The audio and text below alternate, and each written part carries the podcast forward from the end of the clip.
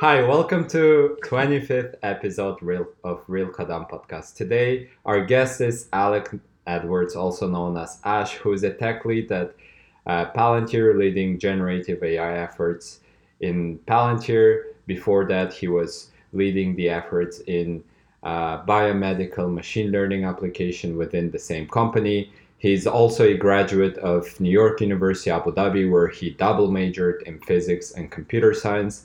And he's just a good friend of mine with whom I truly enjoy to have conversation. And I'm extremely glad that he, he's coming here as our guest and will share his experience, learnings. Besides being my friend, he's someone that I truly look up to with the way he approaches the problems human relationships, and in general, curiosity about life, uh, machine learning, languages, culture, and everything. Welcome, Alex. Oh, thank you so much, Nurpis. Really words, words warm my heart. I, I love how you've got the Lex Fridman intro down, man. Like, that's so good. yeah, you know, like we actually uh, analyzed Lex Fridman's like introductions and like the more love yeah. and the more empathy you put in there, like that would be the most similar to that. So I think Nurpis did a good job. He did a fantastic job. Also, like it's one to one correlated with the number of times you say truly in the intro. the more times you say truly, the more. nice. This is a good tip for our listeners. You can use this filler word to make to make people feel that you're empathetic. All right, Alex. Um, our podcast is called Real Kadam, which in translation from Kazakhstan means real step. And we're curious to know what are uh, what has been a integral step in your life or integral consistent steps that you have made in your life to make an Alex that we have right now in front of us Oh man, I feel like there's like so many ways you could approach that. So I, I feel like I feel like okay. So there are some things that I think probably all of us have, right? Like the even the four of us on this call can almost guarantee it, like wanting to work hard or like having goals and having ambitions and like working toward all of that kind of stuff, like that inner drive. I think obviously is like almost like a a baseline. I think different people kind of approach it in different ways. Um, and so I suppose like one of the one of the things I would think that helps me move forward um, step by step is spending just a lot of time reflecting on things, like reflecting on what what exactly is happening right now, like what's going on right now, like what kind of what's what what's my life like, what what am I doing, what am I how am I spending my days, this kind of stuff. Is that aligned with where I want to be in the future, and, and kind of having that five year plan um, always? Not that it's ever happened, um, but having that five year plan, like you know, help guiding those directions, I think is is probably like a big, big, a big thing that has just become increasingly important. So, for instance, like when it was at in high school and trying to decide, you know, to go to NYU Abu or not, it's like how does that fit in with a? Because it's so hard to make those decisions. You know, if you're 17 and you're trying to decide, like, should you spend the next four years in Abu Dhabi? You know, it's like such a it's it's going to affect you in ways that you literally no one can know, and you especially can't know because you're 17. And I feel like we're in the same positions ourselves, where all of us are thinking about the same things, like, um, you know, what, what kind of stuff should I spend more of my time on at work? Like, what's kind of what kind of projects are more valuable to be on, or, or going to have more impact, or should this even be where I'm working? You know, like these kind of things. Like we think all the time and you, I think you should think all the time about. And I guess having that kind of guiding, it's almost like a star search, you know, like having that guiding fact, guiding force pushing you in a specific direction, even if you don't know what it's going to be. I personally get get to that like through reflection. So I think that's a that's a probably big one. When it comes to practical reflection, Alex, I'm curious, especially given how there is a lot of things happening in your life about which we're going to talk, a lot of stuff in your work, a lot of things that you have to finish. How do you actually take a space and time to have that reflection? Do you have some sort of routine, some sort of uh, habits that enable you to do it in the best possible way? Well, well, one thing is, I think I really will struggle to reflect if I'm um, going 105%. If I'm like just grinding all the time, um, my reflection tends to like decrease a lot.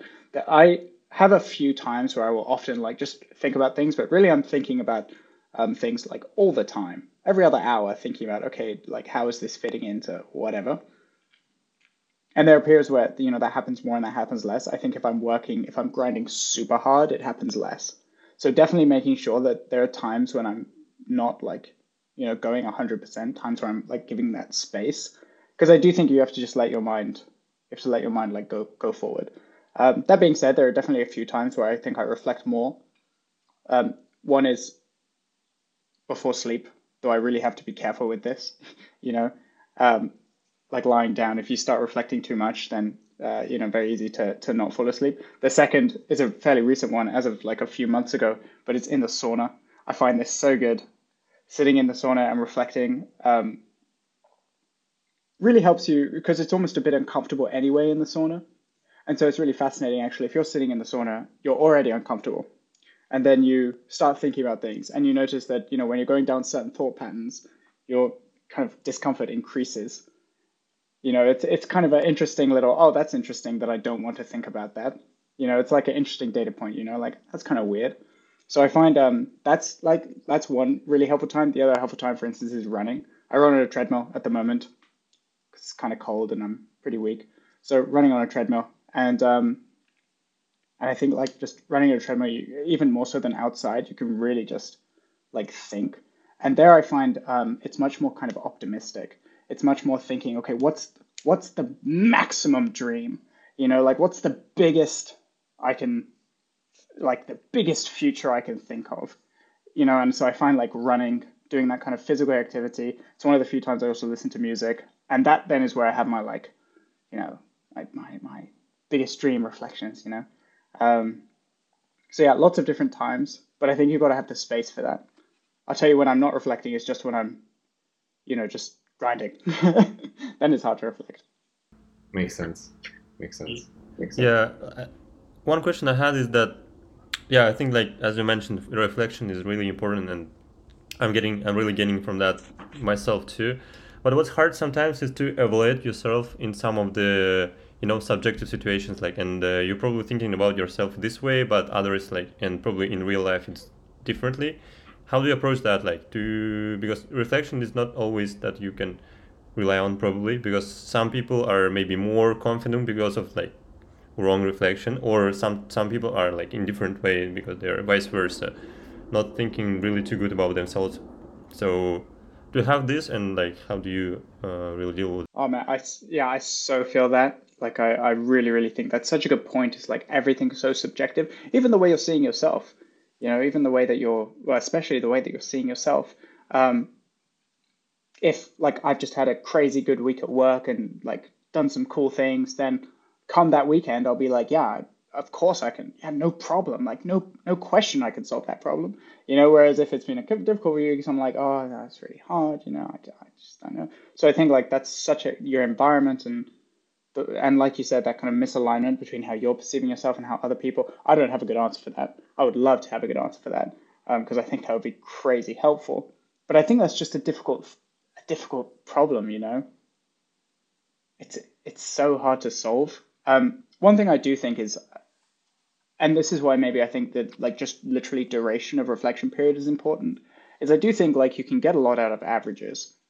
You know, I um, I'll notice like my perspectives on things really change from morning to evening. In the morning, I'm often a lot more alert and kind of bright and and kind of willing to push. And then in the evenings, it's a little bit more like laid back and a little bit, and, and those are really different mindsets, you know? Like the, that will really affect how you perceive something. And so even then, if you're reflecting, if you're reflecting them both in the morning and the evening, and you're kind of taking this average, I think like that's a little bit useful. So, but just so reflecting all the time, I guess, is one way to kind of like combat that a little bit. Because then, for instance, like you said, maybe some people have reflected a little bit too much in the wrong direction and now have this like hyperinflated view of themselves. If they reflect a little bit more right after they've just like messed up or something, then that's gonna that's gonna weight that kind of perception. But honestly, and actually, that's another huge point, I guess, is um, that I don't do enough. Probably is external factors. Like a number of times Nurpis you know, has said to me like, "Oh man, like you got to change this or you got to think about this or something." And like that's really valuable, you know, having a having someone around who can who who knows you well enough to see maybe where your blind spots might be or even just just say like, "Dude, come on, like do this or think about this." You know, is really really valuable. Yeah, yeah, and I think then then it's like also comes to uh, to the point that that's that's really good that you are sharing those those moments together between each other, right? So it's like talking about important stuff that that you can get a feedback on. Yeah, of course it's difficult though because with Nurpis I'm always going to try and you know impress him, so I'll only tell him the good. yeah, I guess uh, in general it's truly valuable to have friends with whom um, you can actually open up your uh, potentially worse sides because all of us have the bad sides, but um, it's so hard, especially after university and given that we don't work in the same space. I think uh, just reflecting back, uh, even when we were all in London, it was much easier to see each other's growth or uh, like decline in certain aspects of life. But right now, given that we don't have a lot of real life interactions as adults, I guess, having this proactive time where you can speak uh, and share uh, some situations uh, would also be a valuable uh, kind of signal to provide feedback in the future, right? But but that's also like a huge thing, right? Yeah, go ahead. Or just super quickly on that, like it does mean like you know your friend choices or those around you matter so much because like there is no reason unless like you have a really good track record, there's no reason why your input is right. You know? So if like your if your friends if you if your friends are kind of having uh, not a bad influence, but if if their if their if their kind of thoughts don't align with yours, and they're actually wrong, you know, can be like so powerful, so dangerous. Yeah.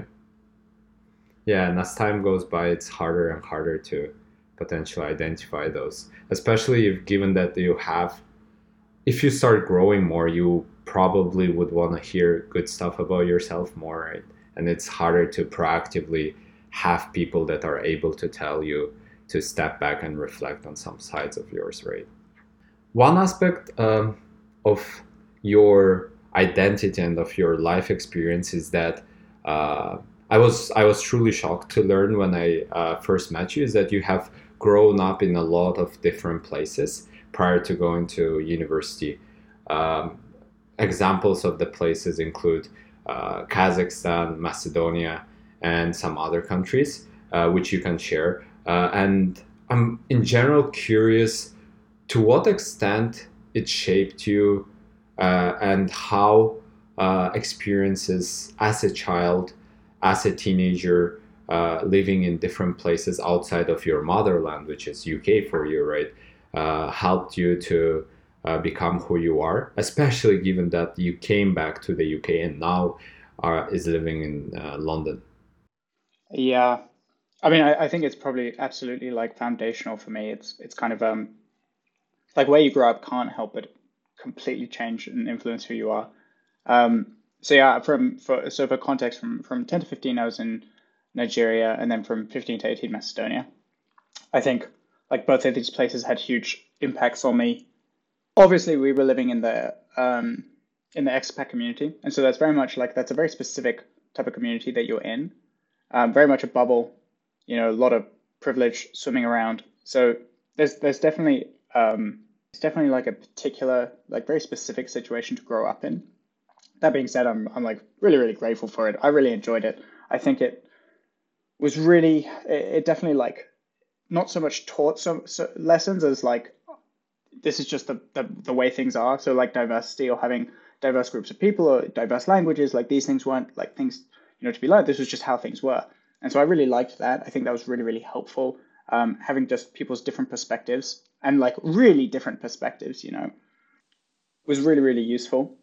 It also gave me a lot of interest, which I, you know, kind of keep close today, like things like languages um, I find really, really interesting or, or generally communication styles. And then I also think the thing is like probably one of the most interesting things is the constants amongst the different places. Like you could always find, you know, people like yourself. I think like Nurpis and I, for instance, like we, we are in some ways just so similar, which is crazy, you know, given given given our relative backgrounds. Like that's like it would be hard to find two like well not too hard, but you know we're pretty different in our backgrounds. But despite that, we're so similar. And so um, and I remember having a similar thing in high school where I, I met someone and I was like, wow, this person is literally like me. You know, they've they've grown up their entire life in Macedonia, but they're literally like the same person. What? How does this happen?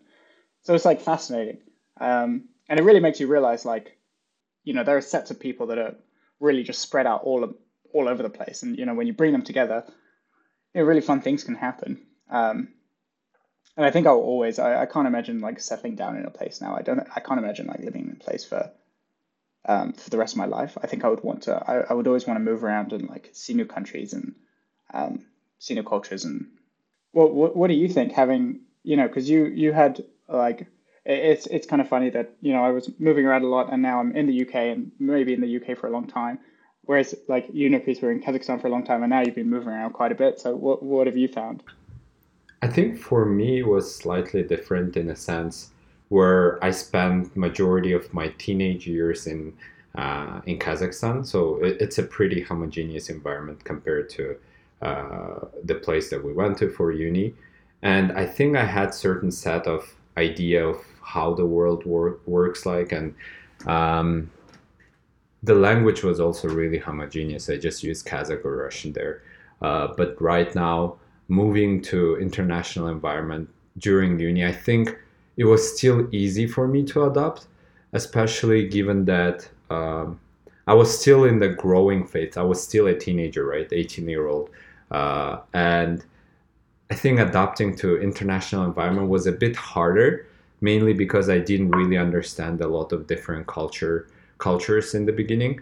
But essentially, as you said, as time went by, I realized that even if we grew up in completely different places, we're all very similar, right?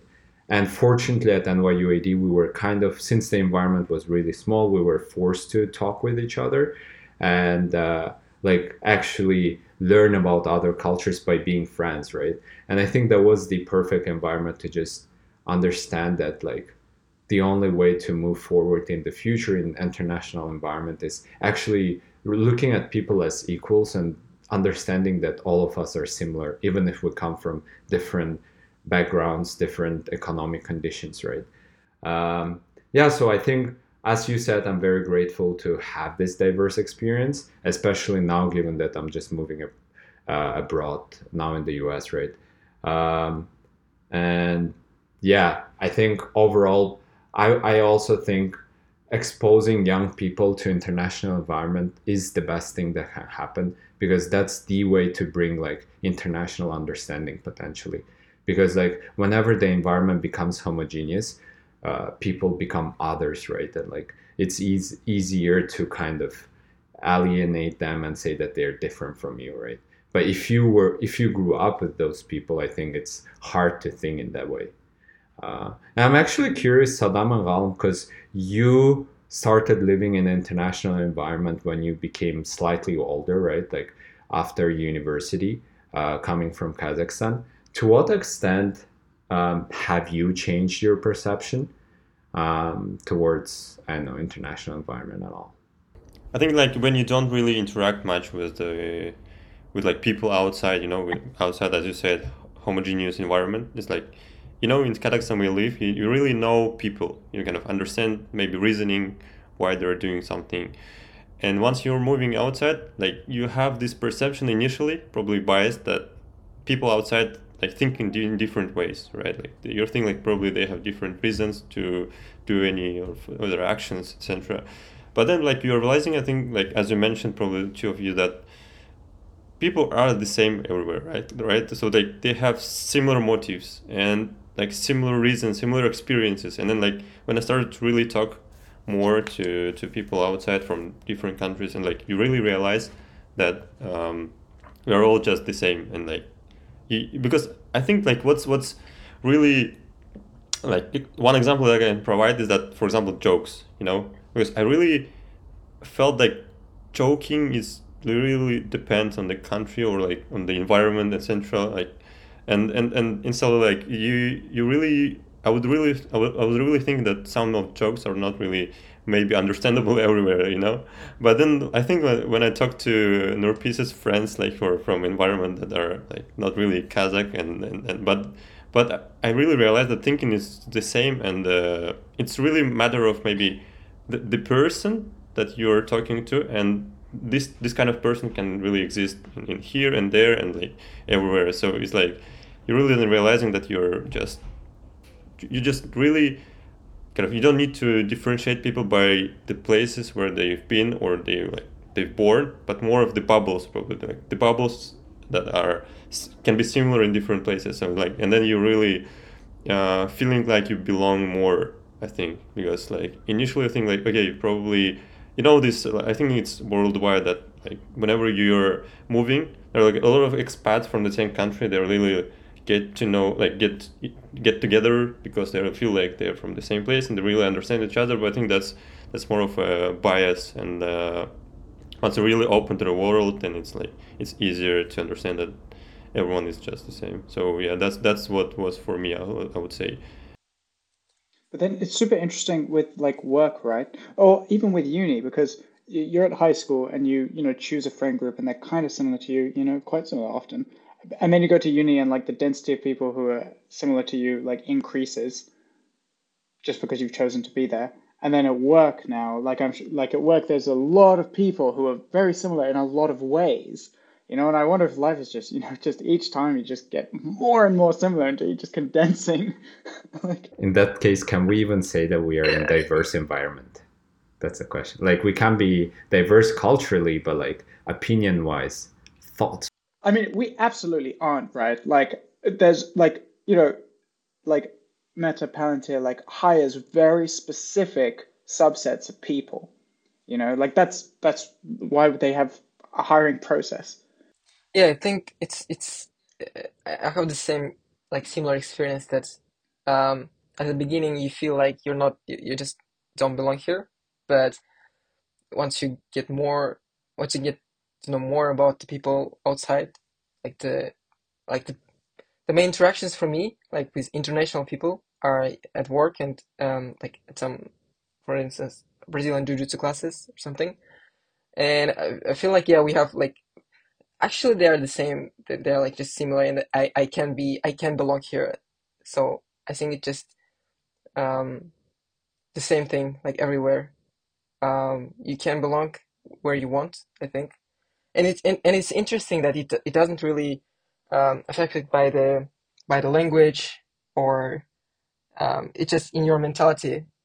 Uh, I, I just know the stories where you know like the Kazakhs from China who are historically in, in China, they come to Kazakhstan and they also like live in a bubble of the people who come like of the Kazakh who came from China, and they don't really interact with the people like the same Kazakhs but from Kazakhstan and it's it's it's it's kind of interesting that this happens regardless of the language regardless of the of the historical i don't know the plot you know. It's interesting the, the one interesting thing about alex i think at, at which point do you lived in kazakhstan and how did it happen? Um, my dad's a diplomat so we were moving around for his job. And so um, i think from when i was six weeks old to about two years we were in Kazakhstan. So formative years, you know, pretty important years. Unfortunately, not for me very memorable years because I was two. yeah, we were actually joking when I was like, okay trying to understand you and like having these topics prepared in, in advance like okay probably that's the reason that he's so successful you know like because he really i would assume. Yeah. Those two years were most important in your life you know? I mean they say that early on you know you need to have strong examples strong leadership and, and a lot of horse meat. Yeah. The most. Uh yeah Nurpice and i've talked about because i would love now to like well, I say go back, but really it'll be go for the first time because I didn't get to, you know, two years old is not is not really going. Um, at some point, yeah. I'm also super interested though, and something that like Nurpice and I've talked a lot about about people who have grown up in one place. Obviously, like I'm, I think it makes sense. I'm kind of interested in this because it's so far from my own experience. But people who've gone back, you know, who have grown up in one place and then maybe you know go out and travel a bit like you pieces, live abroad a bit. But I found often there's this like drive to go back and drive to like you know I want to you're like this is where my home is like I, this is where I feel like my most home. I think this kind of feeling is like fascinating. And it's something that I hope to get now. Like living in the UK for a long time, I think I'll I'll start to feel it more and more. But it's something that I find like really really interesting. Of everyone's got this. Oh, when I'm 40, when I'm 50, when I'm 60, whatever, gonna go here and have a good life. I'm curious on your guys' thoughts. Do you like? I know Nurpeece like probably still still gonna be going back to Kazakhstan in your old age, and the and and the rest of you. I, th- I think like we're we're aligning on this at least at this point of time as as far as I know because like yeah we, but I think uh, the more I live out like outside maybe this perception and this opinion has like sort of uh, changes but at this point of time i'm still kind of more uh, leaning, to, leaning towards uh, moving back at some point. Not sure like when but yeah so so so like i think we're just meeting s- sort of things that are only uh, kind of only belong only in the kazakhstan you know? So the they're like these unique things that you don't find anywhere else such as for food. And and then like uh, you're you're thinking about of course more of uh, important things but uh, yeah. I think that's that's for me like. Yeah i think for me it's like um, i want to get back not when i'm like really old but as as i'm young i think.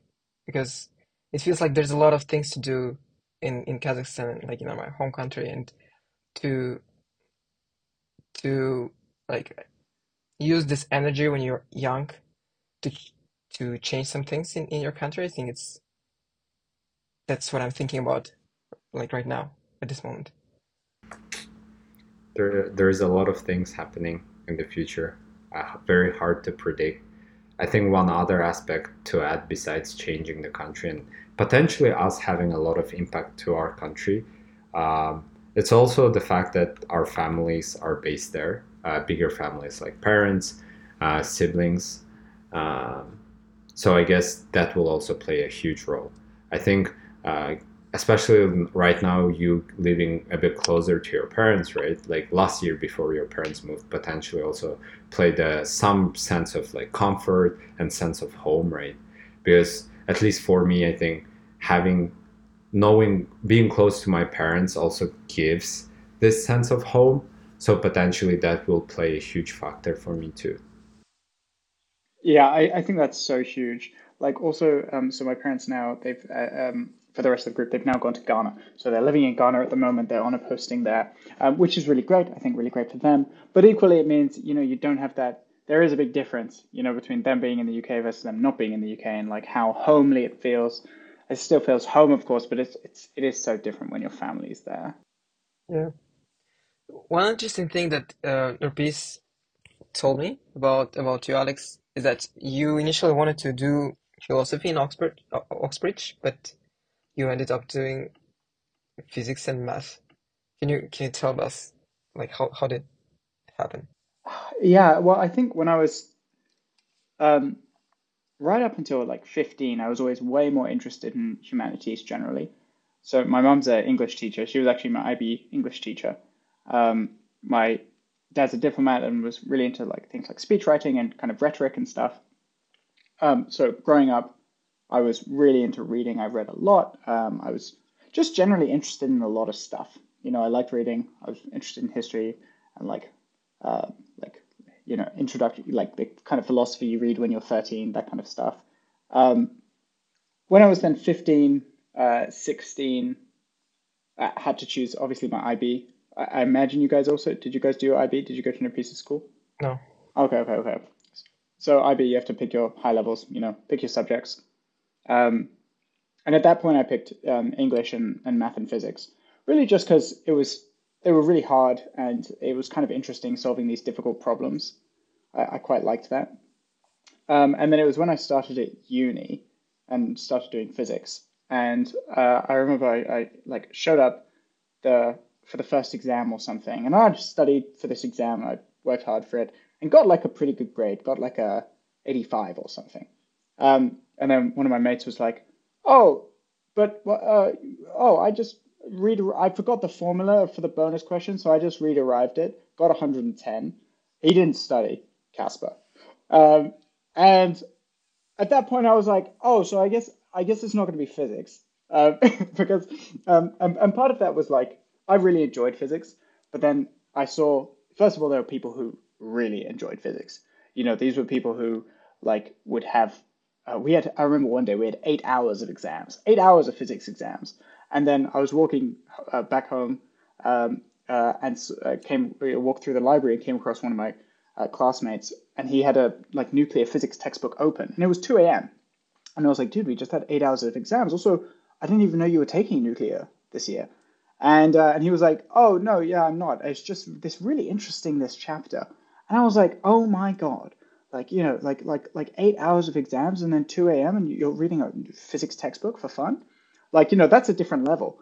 Um, and I definitely am not at that level uh, of of of enjoyment or ability. And then I started computer science, and suddenly this was way more tractable. This was like, oh, you can actually build stuff like right now.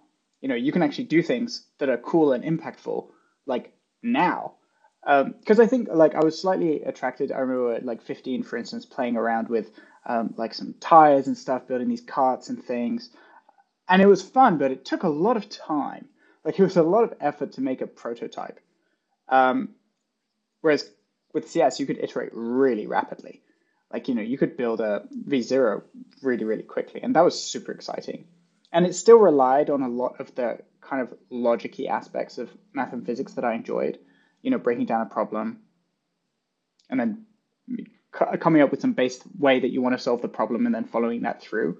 And I guess, um, and that's kind of the same, that's true of any field, you know, whether it was like English or, or philosophy, TOK or whatever you know, is like it's that same that same thing, which is just interesting.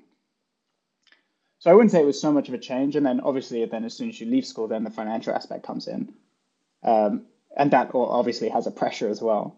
And so I think it was like a gradual shift. But honestly, I think the base thing was like, you know, this stuff is just interesting, and and it's all interesting to some extent because there's a lot of similarities between them. To what extent have you felt as an outsider uh, when you started CS? Because I remember you were just thinking about math first year. I'm like, yo, bro, let's try uh, computer science here. Like, no, physics and math, like very purist uh, type of scientist. Very pure. Uh, but then you changed in second year, but like started doing very properly only third year. So like as compared to majority of computer scientists within our school that started like in high school, right, or very early on in college, you've started very late. Um, how were you able to like actually move on in an accelerated pace? Because objectively, if you look to some like metrics like oh where you got into jobs and the stuff that you have built, you're you're at a pretty good stage. And I'm curious, how were you able to like open up your hidden potential and uh, ensure that you don't feel like an outsider, uh, someone who is who doesn't deserve to be uh, starting super late? Yeah, um, I honestly didn't struggle from this feeling so much. Like I, I, I was pretty happy doing um, CS, and I think that's hugely just because um, I was coming from a like pretty rigorous background, and so that kind of idea of like bring a problem, break it down, get down to like the base principles, and then build it back up. Like that is how I solved like every every CS problem is the same way I solved every physics problem, and I think that rigor. The good thing about physics and math is you it is very difficult to like you get immediate feedback. You know if it's right or wrong immediately. And if it's not right, you know exactly where you went wrong. Like even with CS, it, we don't have that. Um, we, we don't have it in the same way. If you build a system, there's no, and then you say what what what's like. Let's say the system like doesn't work in this particular way. Like of course, apart from bugs, it's like okay, how could I have like designed the system from the base layer upwards? How could I have done that in a better way. It's like that's very hard. You know, that kind of stuff takes experience. Where with with physics, math, obviously the base. I'm talking about the, the more basic university level physics, where you know you're not having to apply like a lot of creativity and research. You're just solving the problem. Um, there's a lot of feedback when you do that over and over, and so you see what kind of things do you lack, what things do you often ignore, what do you need to like focus on better, and so it's really quick to help you like fine tune that problem solving like muscle. And so as a result, honestly, when I started CS, it was um, especially university level CS is always uh, like theory heavy. You know, when we had proofs in our algorithms class, I was pretty comfortable with it. While other uh, less math heavy CS majors might, were a bit like, oh, like what's going on? Like like big O notation, for instance, was very very natural because it's like, yeah, this makes total sense. Whereas I think some people maybe had a stumbling block. So I, I really think it was super valuable spending that time. And honestly, I would advise it. Um, and I think uh, if I was taking that advice to the max, I'd still be doing math now. I think it's crazy valuable to have that rigor in place. Um, it's the same reason why you know I think people. Um, I'm I, I I love Reddit. I go on a lot of subreddits. I find them fascinating. And one of the ones I go on a lot is uh, like CS Careers e, uh, UK or something. It's basically people who are CS majors and or interested in CS and want to become software engineers, and they talk about their problems and stuff. And we're seeing this huge wave right now, this huge wave of people who um, want to switch into tech, so they do eight weeks of boot camps. And honestly, I think great, like power to them. I think like great thing to do. I think it's great that you can do an eight week boot camp and then start doing it. Of course, they are saying like, it, and um, that it will come up. Questions always come up like, how is this going to be different from a degree? That kind of stuff. Especially where in a degree you might not do that much, like so, like or any like software engineering, like the the proper style stuff. It, like I think it was third year when I started using Git. You know, it's like it's pretty far from the actual job. But that being said, when you have the actual structures in place where you've done like data structures and algorithms and you kind of like you know can think about these things in these in these kind of ways, it makes it a lot easier and it was the same thing with math and physics, where I'd already done this kind of problem solving y like uh, like mindset. So was, I think I, I would honestly recommend it. If you want to do CS, just do physics and math, and then do CS. Especially for machine learning. This was then huge. Then, of course, I started doing machine learning, and that's just you know stats and calculus, and they were very very com- it was very comfortable. Whereas if you're not coming from a math background and you start doing machine learning, then it can be a, a little bit a little bit difficult because you have to learn all this stuff 1st mm-hmm. So Dom, can you relate to to what Alex said, given that you've been doing like math um, Olympiads? Yeah, I would say like for me that was really similar in, in terms of solving the problem. Yeah, that was like you know because I I started like I had an experience with math Olympiads and then I joined computer science not from the perspective of building software engineering, but from the perspective of Olympiad uh, programming, you know. And so like basically the, the problems are the similar there. Like just in math you need to prove those those concepts, you know. But in in, in uh, programming you need to program it. You need to prove it from perspective of the same input and output, you know. And so from that perspective, yes, I think it was really a smooth uh, transition for me but uh, but I think from software engineering perspective, it was a bit different. Like you need you need to really uh, because like in in math Olympiads, you really sort of cre- creativity. You know, you have a creativity because you have you like you need to, you have a north star. You know what to do. Now now you're like trying to really uh, be creative with ideas, with like approaches, and then try to go deep in like you know with sort of DFS. You know that there is a so, sort of one um, edge somewhere, like one point, and then you need to really reach it somewhere, and then you are being creative and having the knowledge that you have to basically do that. But in software engineering, what, what was different that you're really like the main difference that you're really trying to deal with a lot of unknowns, really, because like you're reading some code, you're trying to imitate that, and like you don't really understand like 80% of that, but you really need, need to sort of uh, live through unknowns and and get the important ones and then make it work. Because like this is of like this is skill of making something work without knowing a lot of concept around. That's that's what was really different and maybe difficult for me at, at the beginning compared to like from program from mathematics aspect probably. Because you don't really maybe you have also need to be creative here but in in a different way. So that was that what was different for me, I think. Yeah, and um, I think uh, I think like uh, right now, I think the question uh, probably to Alex that we, we discussed how you started computer science, and I think like it, it, it makes sense for us the, the transition that you had. But what what's more fascinating is that like you joined Palantir like a year or two years ago, but you're already now uh, leading development of Gen AI platform in Palantir, and uh, and so this seems to me like really bigger jump. And uh, do can you explain how did you reach this stage of your career um, in some of little amount of time? Yeah. Yeah, you know, yeah, that, this has also been super interesting. This transition um, from kind of uni to work. I have really enjoyed work. I actually enjoy quite a bit more than uni. I really enjoyed uni, to be fair. Um, but work is fascinating now because whereas before, like you know, the problem might be like you have a P set, you know, you have a problem that you're tr- trying to solve for homework. Now for work, it's like it's there's so many more variables. It's much more like of an art, so to speak. It's like like you said, first you've got to exist just in the tech system, but then that tech system exists within a general like organization, and you need to be talking to the different people across these different teams. And if you want to get something really cool to happen, it's hard. I think Palantir has been a just ridiculously good place to start a career. Um, it's really big on high ownership. So if you are solving a specific problem, you really can take ownership of that problem. And if you are getting results, then you will just be allowed to continue to work on that problem. Um, I love that about the company. It's it's something that now I'm always going to look for, kind of high ownership.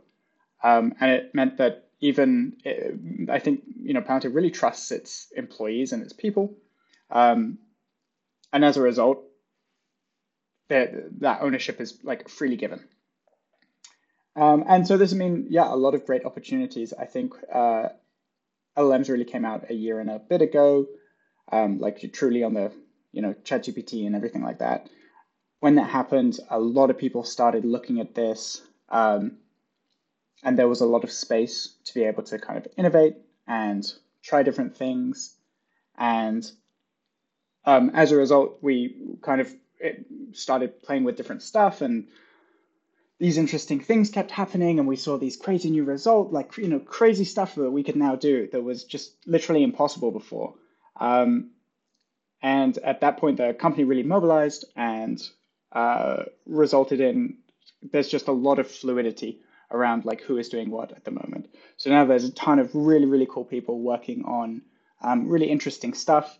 Um, yeah i'm very uh, lucky to be one of them helping out with this kind of like gen ai uh, yeah, Gen AI push. Um, besides talking about like the specifics of the work, I'm just curious, how were you able to actually grow? Uh, because besides just engineering, pure like problem solving, there are a lot more things. And I think it is applicable outside of Palantir. Of course, there is a culture of ownership, but like all of us have friends at Palantir and some other companies like big tech where ownership is also a big deal. But then the rate of growth is usually in five years that you become, uh, you start having those responsibilities that you started having last year, essentially, right? And what are some of the patterns that you have learned that you could apply anywhere to gain bigger trust and as a result start leading uh, more impactful projects? Yeah, that uh, yeah, I think the biggest one is like pushing for things.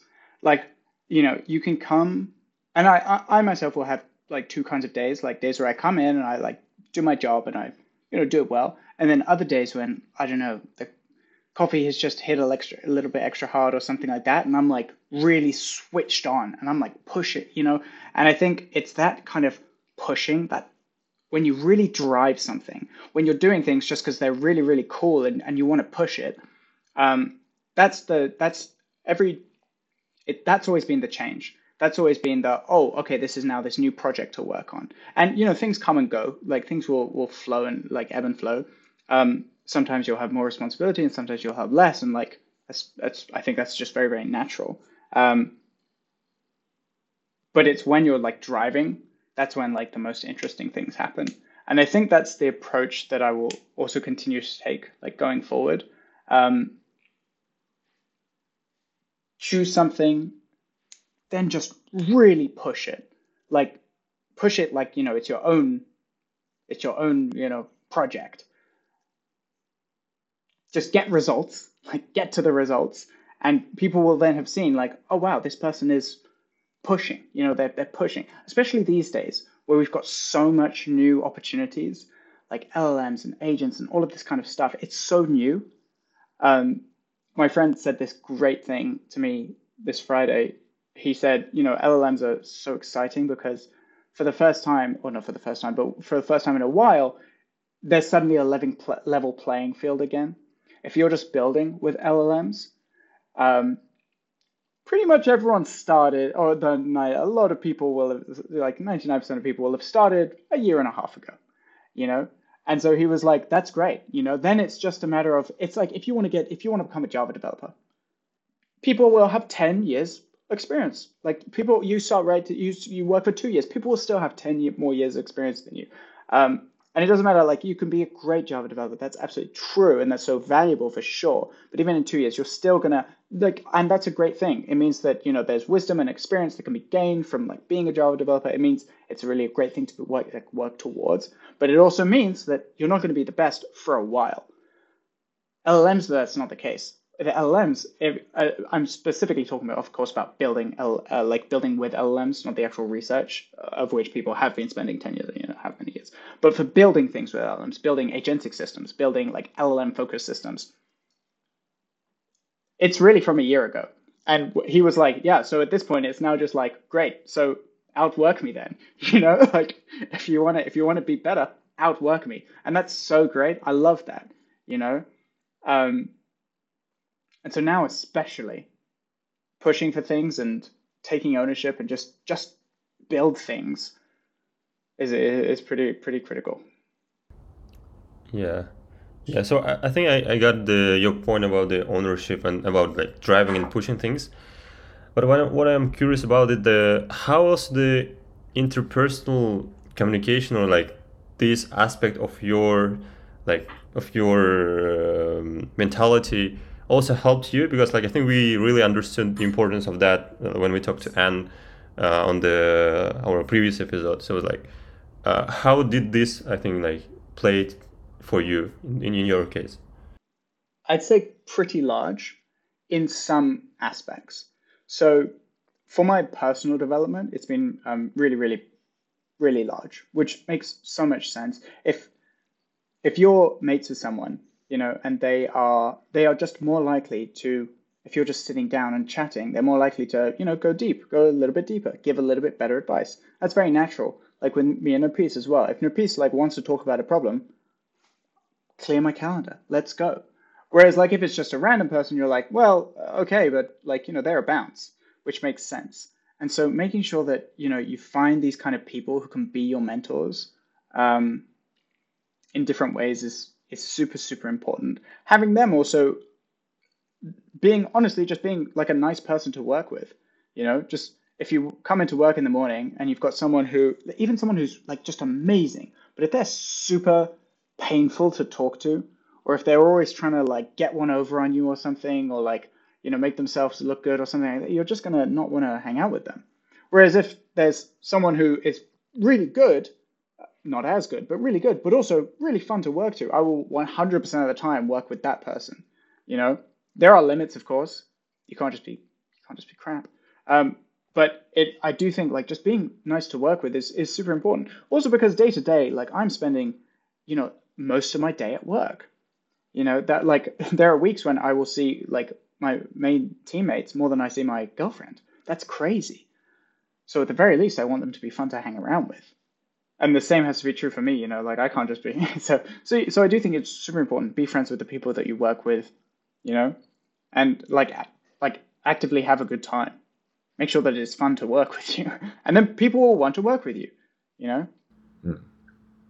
makes sense alex one thing that happened in university uh, we took classes called Foundation of Sciences, which is like which included physics, chemistry, and biology. And it was pretty challenging, especially given that we took a lot more classes on top of it. And I rem- clearly remember that majority of us were complaining about biology, and you were just like all the time coming into classes and being like, "Oh, it's really fun. It's really cool. I'm very curious about it." And the same thing with the job, the the way that you describe, right? Like having an ownership and being truly curious. To what extent this curiosity is truly within you to that subject and to what extent you also trick yourself because i feel like the curiosity that you have towards seemingly boring subjects also gives you some sort of strength right? Like do you sometimes trick your mind almost gaslight yourself in a positive way right to to be interested in things. Because even in software engineering there's so many boring aspects. Even i'm sure in generative ai how however much it is hyped we're going to talk about it a bit more after that.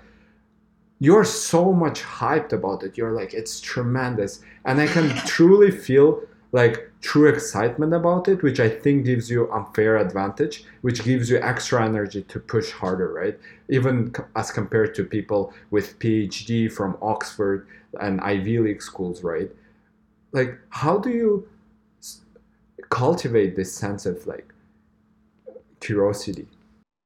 Yeah, I mean, if I am tricking myself, then I almost don't want to think about it too hard because it because at least it's working then. Um, I so I think it's, it's, it's the this very really hard to answer. On the one hand, I think I do think I'm quite lucky in that I just find a lot of stuff interesting. Um, I think maybe a big reason though for finding things interesting is really truly believing that like I can add something of value to using that thing. Um, so for instance, like with physics, like I said, um, I quickly like kind of not lost interest, but I was definitely less interested after I was like, oh, in order for me to actually like do something with this, I'll really have to like spend 15, 10 years and get a PhD and do a bunch of research and maybe a bunch of boring stuff. And then maybe one day down the line, I'll be able to do something that like affects a small something that, you know, like the, like it suddenly became way less interesting. Whereas like computer science, I could do immediately and I could actually like there is no reason why technically tonight I can't sit and code for 10 hours and in the morning come up with you know a revolutionary xyz there's no reason why that can't happen. And that's that's way more exciting you know? So i think one thing is like thinking about things in terms of how does it actually like what could this actually do you know what could you do with this you know? Um, and so things like philosophy and history and all of this kind of stuff uh, particularly things like history which i'm like getting more into now or, or like books like sci-fi. You know, I love that kind of stuff because it really could like we could actually get there, you know, like it's actually like it it's relevant to choices I might make now. So I think that's one big thing is like almost have the arrogance to believe that you can actually do something with what you're looking at. That's a great advice, man. Yeah, yeah, and and, and like to add to, to this point, I'm really curious, like what are the advice to like even maybe if it's not your case but in general like let's think about in general like for people what's the, the best way to really create this curiosity in yourself? Because like as we discussed this it seems to me that to be skeptical about things is really sort of red flag for you know, being successful in this like sphere area right? Because like if you're skeptical you really won't believe in anything and you won't be really curious about stuff because like you're not believing in that and so, how to really maybe if you're skeptical to kill this in yourself, or like to create this curiosity, and like what what are the really good things you can do in order to be more of curious about the things and the.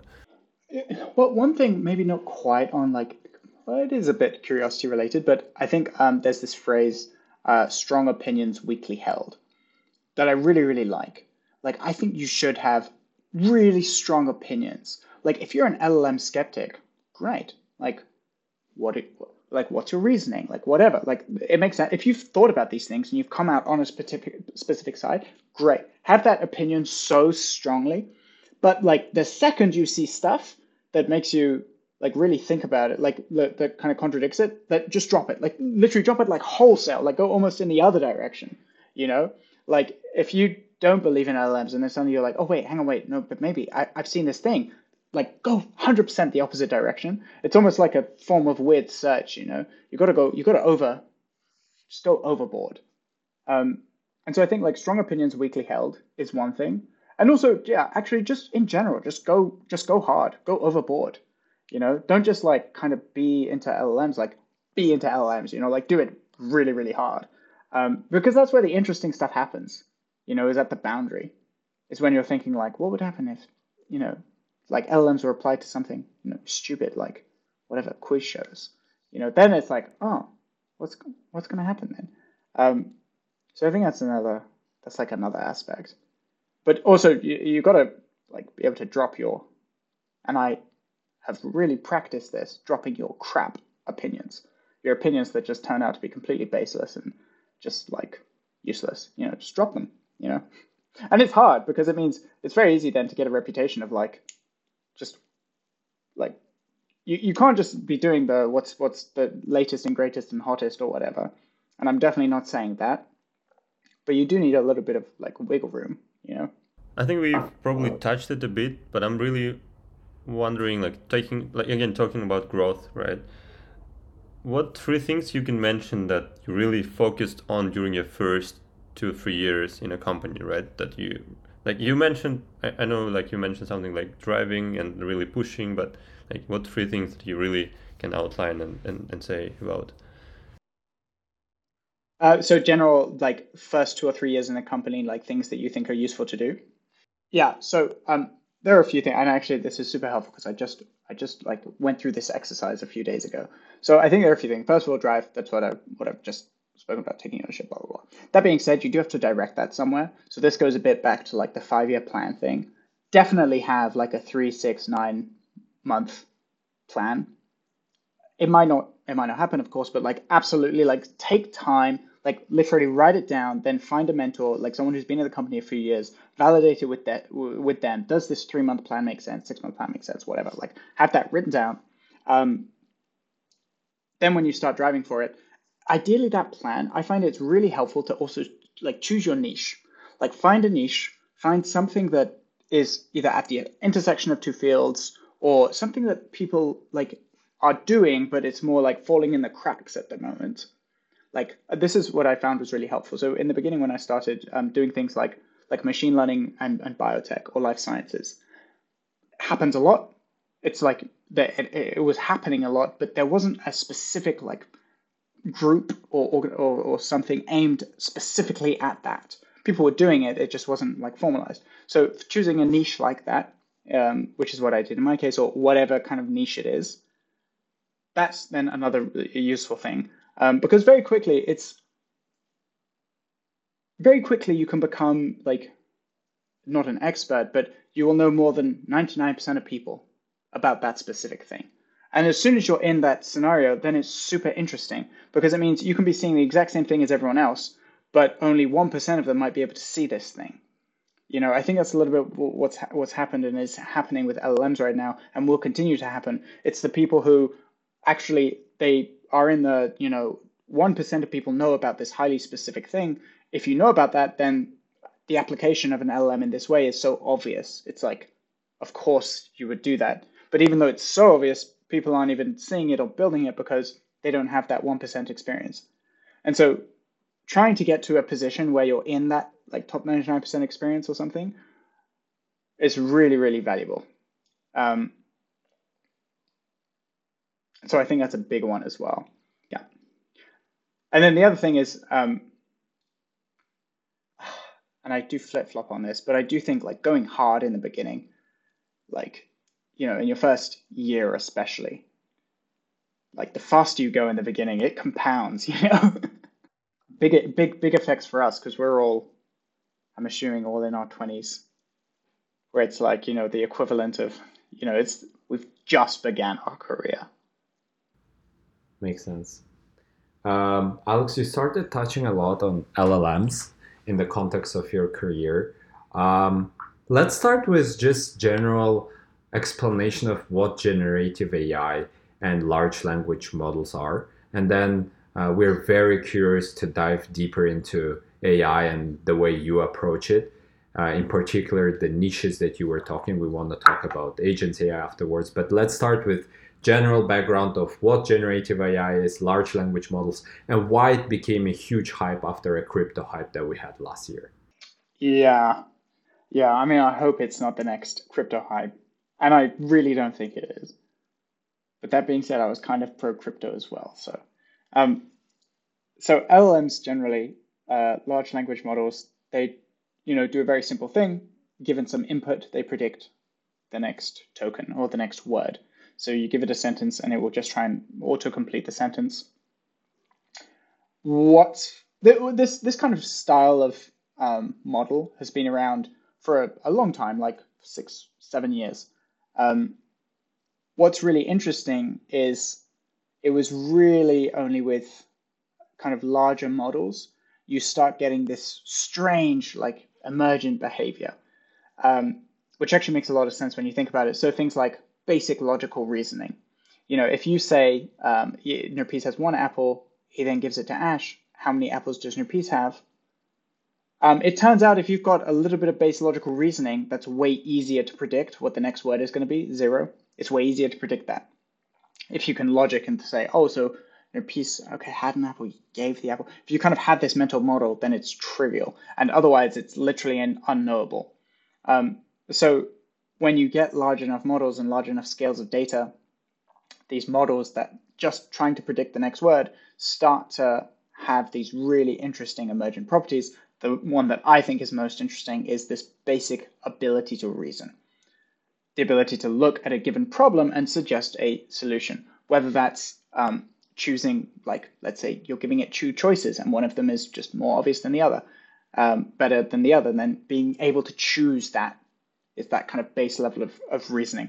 And this is this is crazy. Like this is so huge right? It's like before if you want to do computation you really need to strictly define what that computation is going to be and even for things traditional ml models um, they always had like you know a specific target you know it was a classifier you know, it was regression. It, it was, you know, doing something very, very highly specific. Suddenly now you've got this form of computation which is like fluid.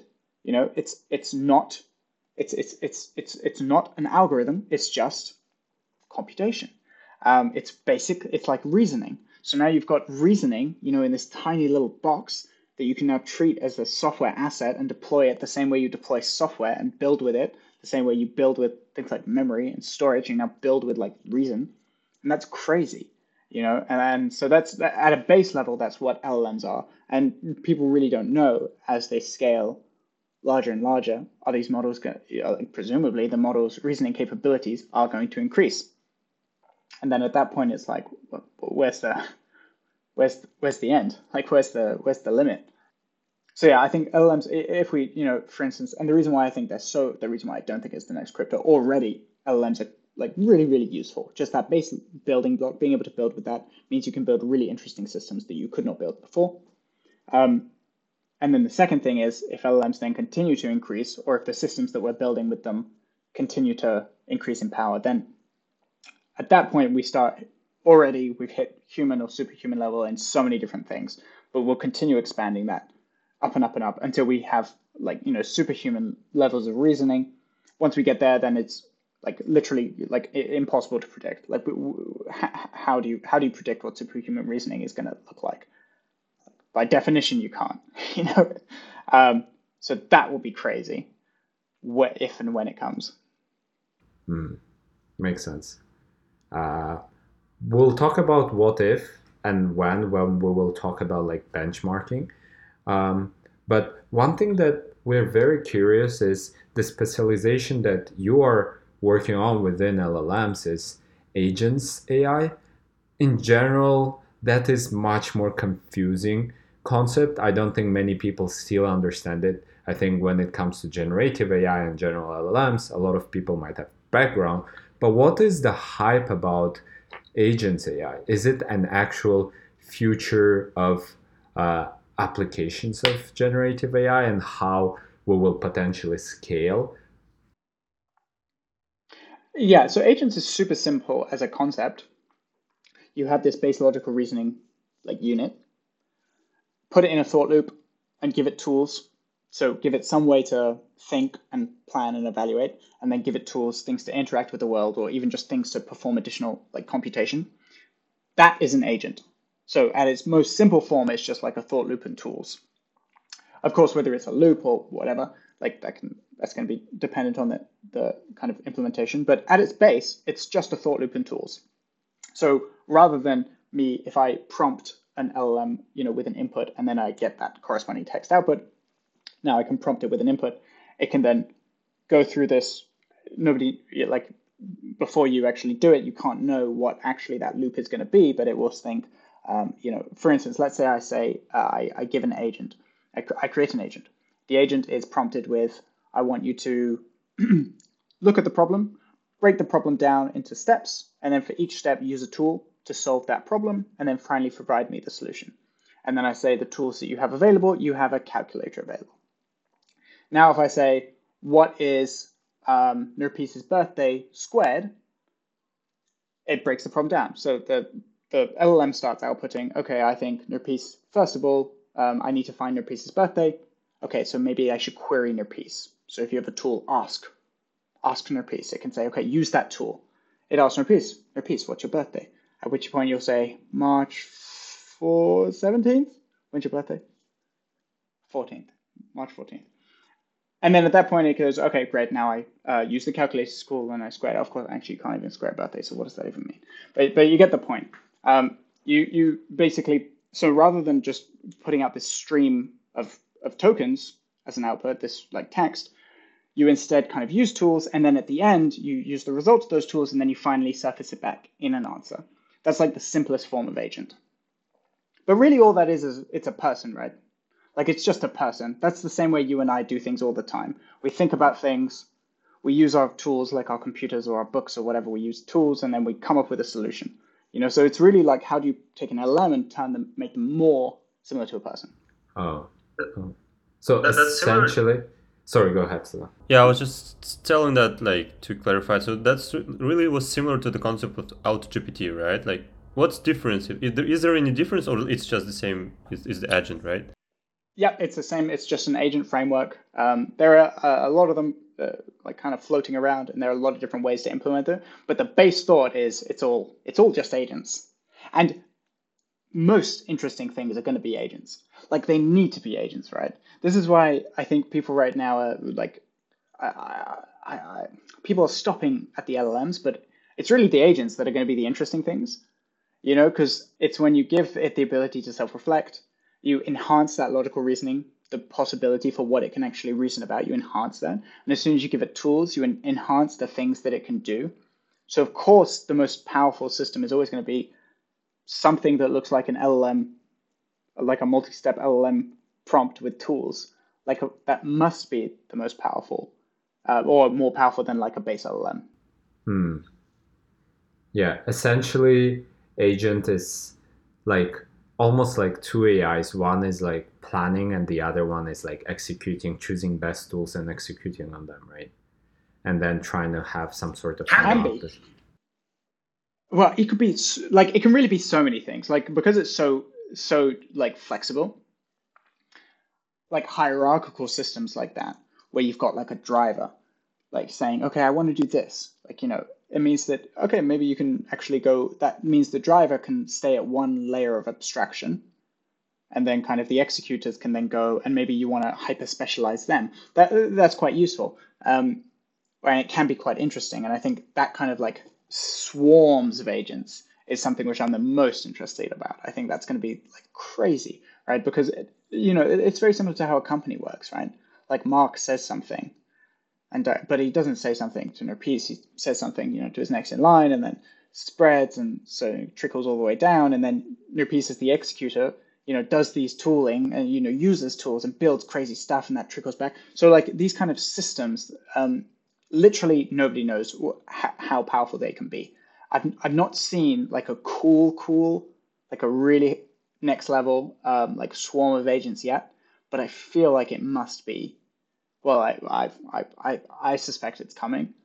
Um, just a matter of when. Hmm. So essentially, agents uh, telling to other agents what to do and then choosing the subsets of agents that are the best executioner, right? It's almost like evolution in a sense, right? Oh, yeah. Well, there are two things there. One is like, how do you perform the task? The second is how do you get to that system in the first place? So an agent will almost always have almost always have some concept of memory. Because what, what do you actually need? In, okay, so you're trying to design develop an agent against a specific problem.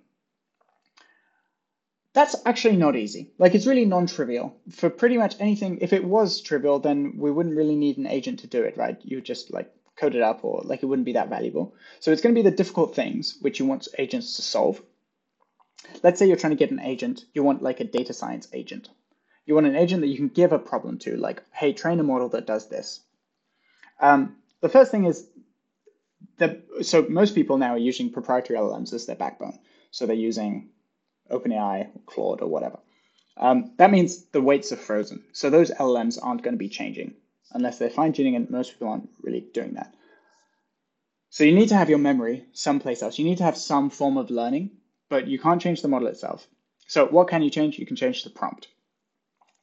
So at this point, if we're training our data science agent, that's got its initial configuration. It's got the initial thing that it would naturally do. So if I say, hey, can you train a random forest on this data?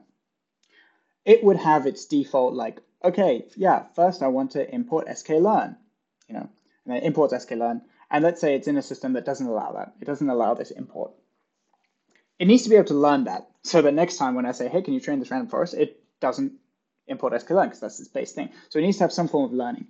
So if at that point, if you've if it's now tried to import and it's gotten back some response saying, oh no, you can't you can't import that, it needs to be able to save that somehow as memory. Right now, the way that most people are doing this is essentially uh, basically forms of vector databases.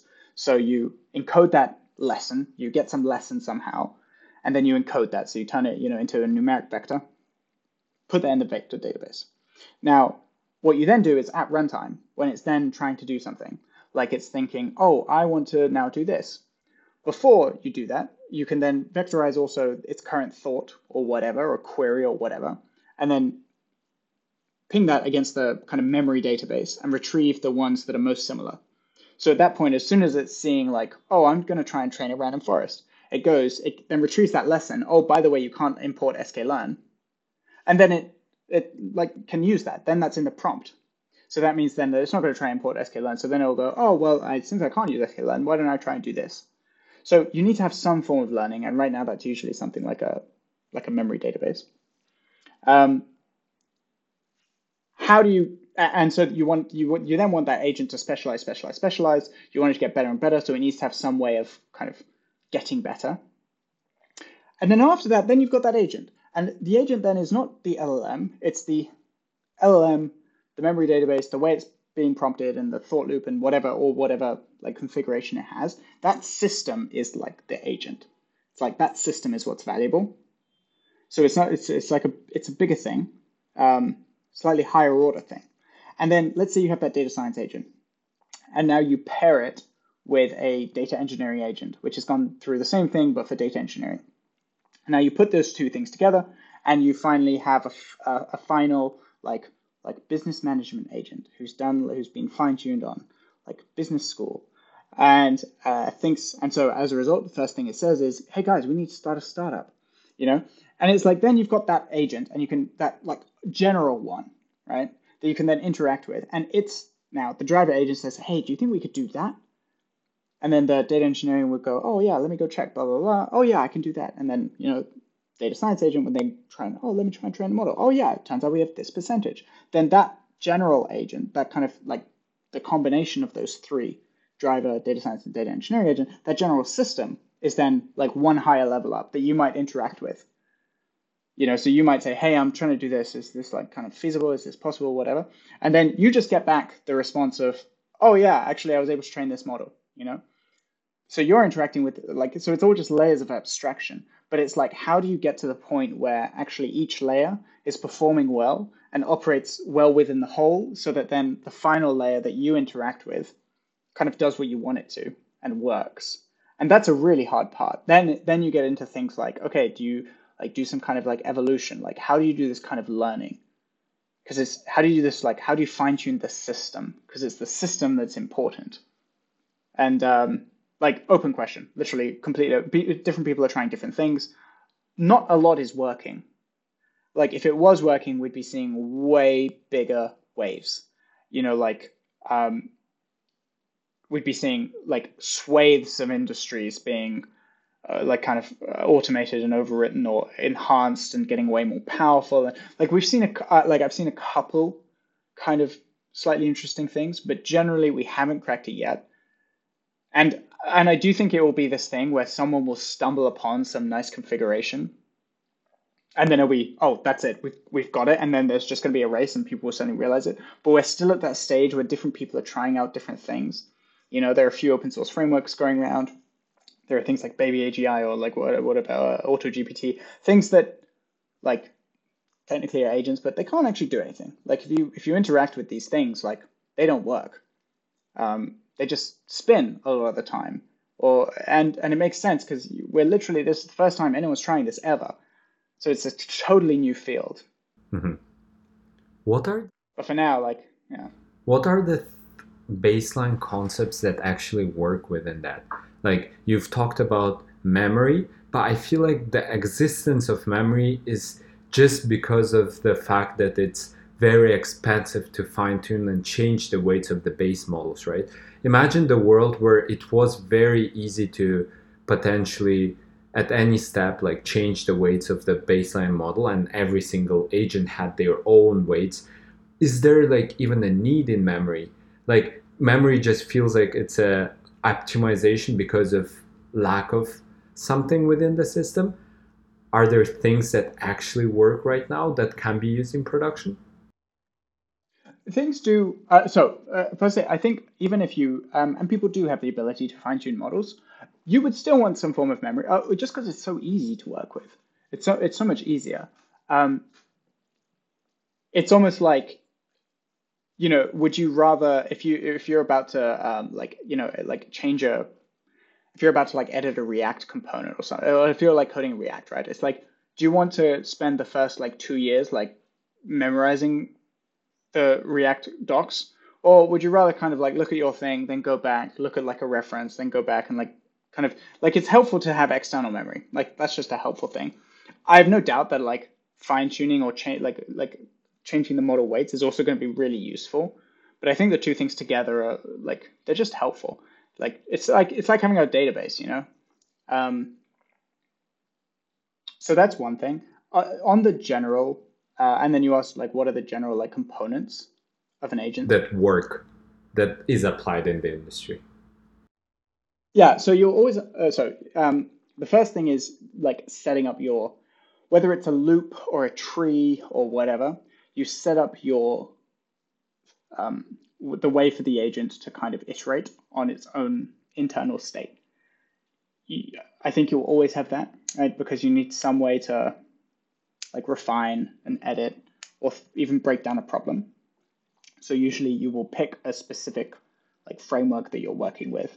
Um, like super common one that came out a long a while ago now uh, is chain of thought. So you basically like just go through this chain of thought. Um, so you've got your like computational, like your brain. Then you've got the tools.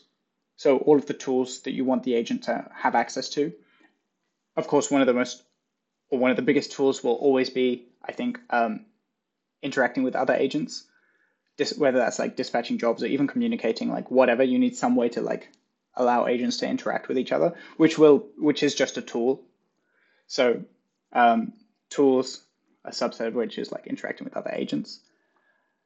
Um, that is the agent itself, but then any system that's actually going to work means you also need a lot on top of that. So in terms of like monitoring and evaluating and making sure that, um, and for things that actually matter, like the, so it's, it's, it's one thing to talk about like, oh, it'd be great if we had an agent that d- does this, but actually like in practice, like in industry, um, you obviously can't just have an agent going around doing whatever. Like you will need to have some kind of like human verification, like a human check, um, a human sign off, and so you also need to have something around that.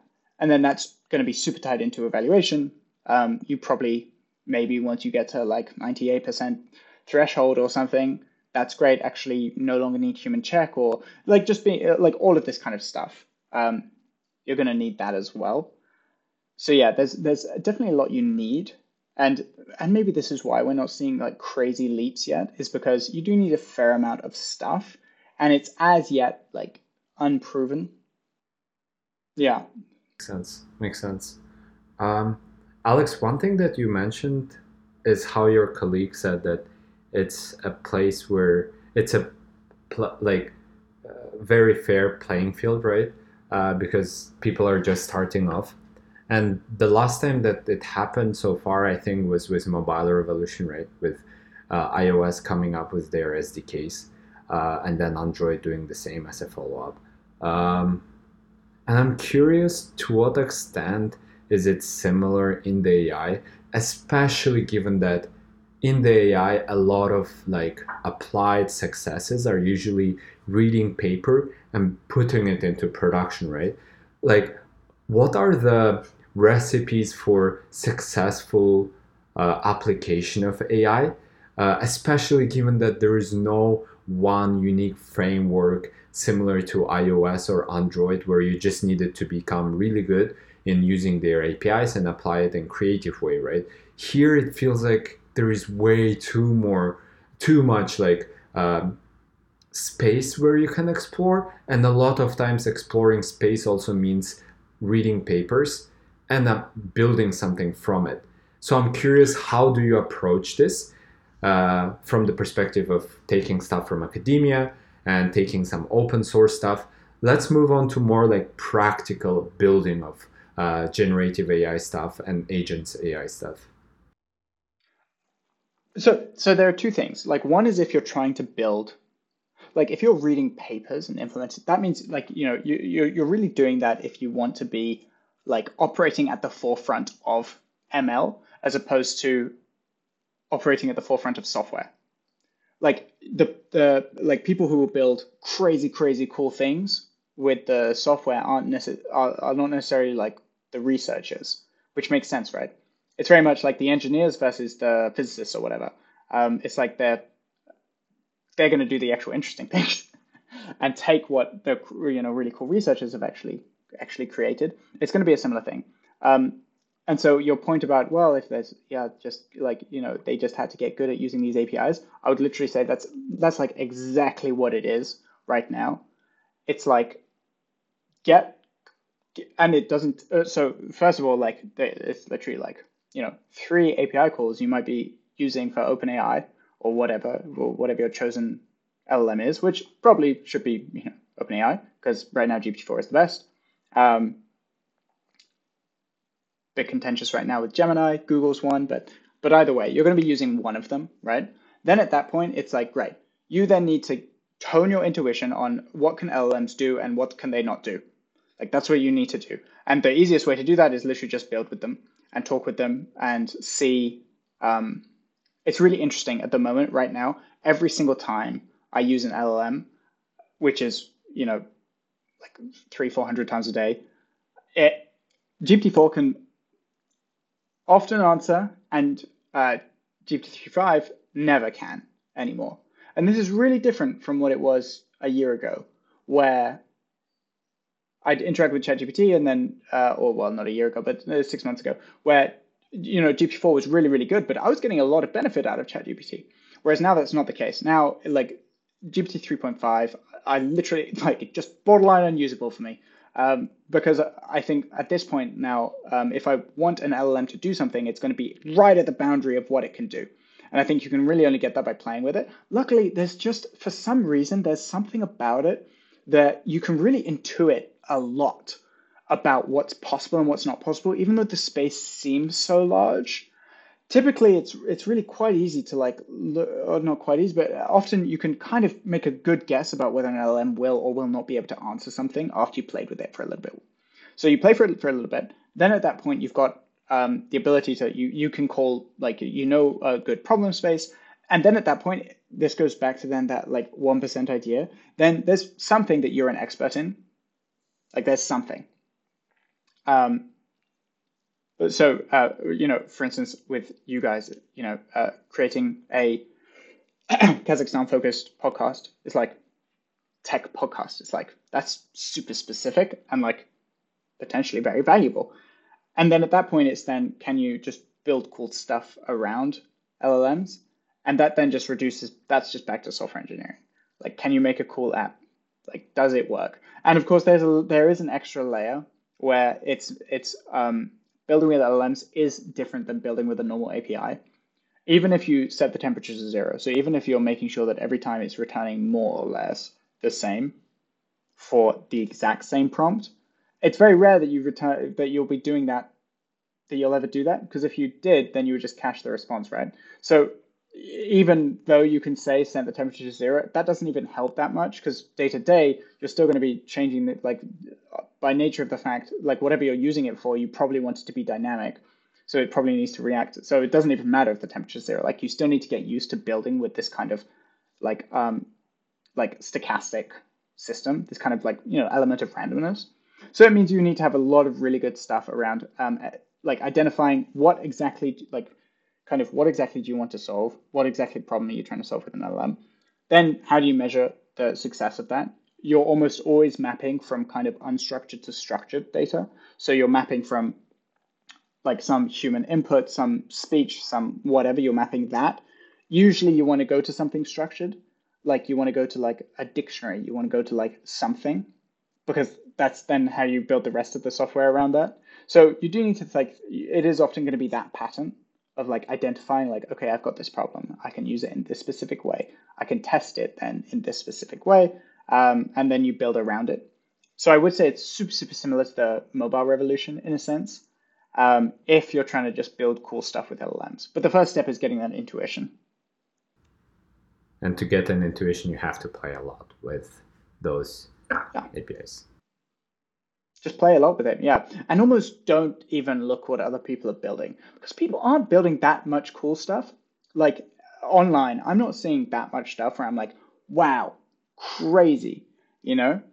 It's like there are some cool things for sure. Um, but like I think there is so much left on the table. And I think maybe a big part of that is just because all of the people right now hyper focusing on LLMs, often we're coming from very similar backgrounds.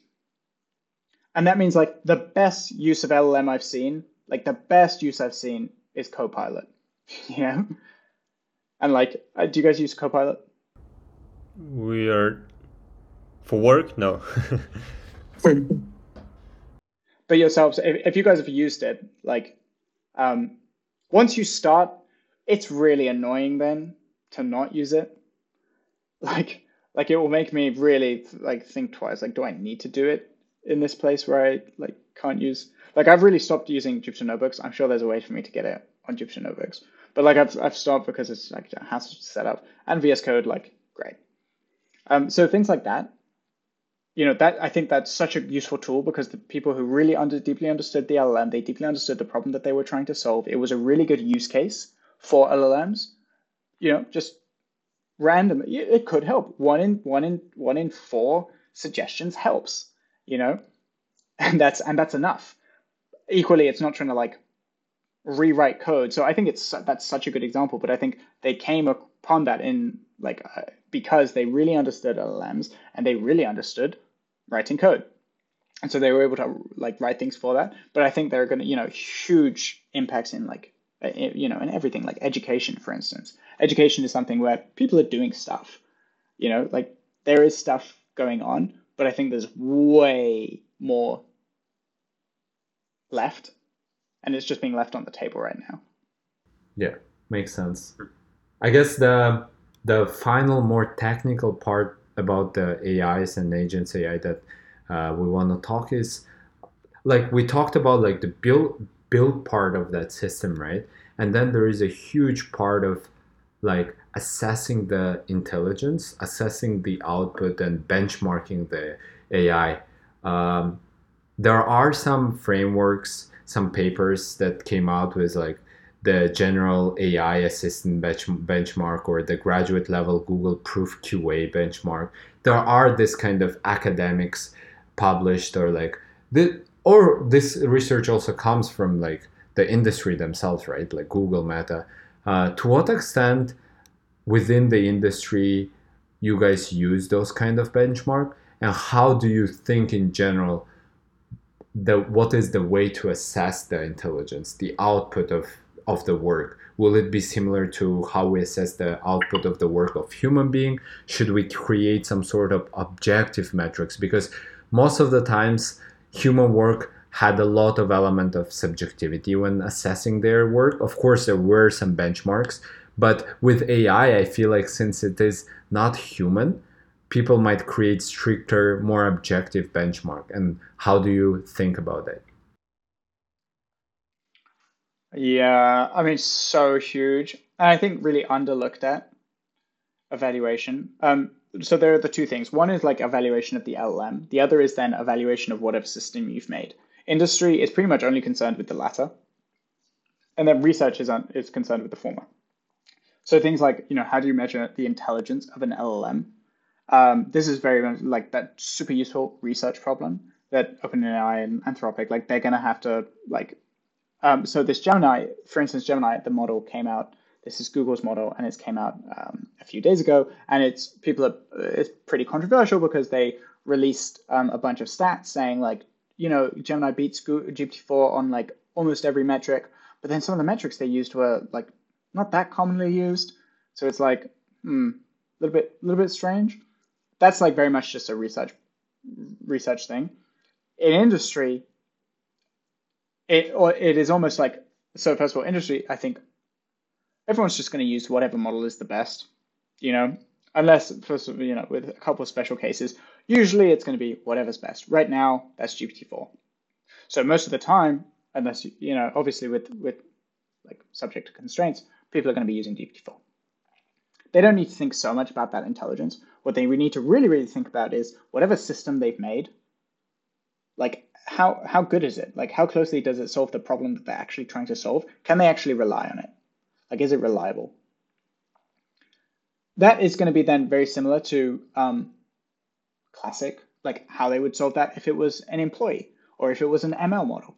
Like you know, in the beginning, deploy this thing, collect a bunch of data. How does it react in different scenarios?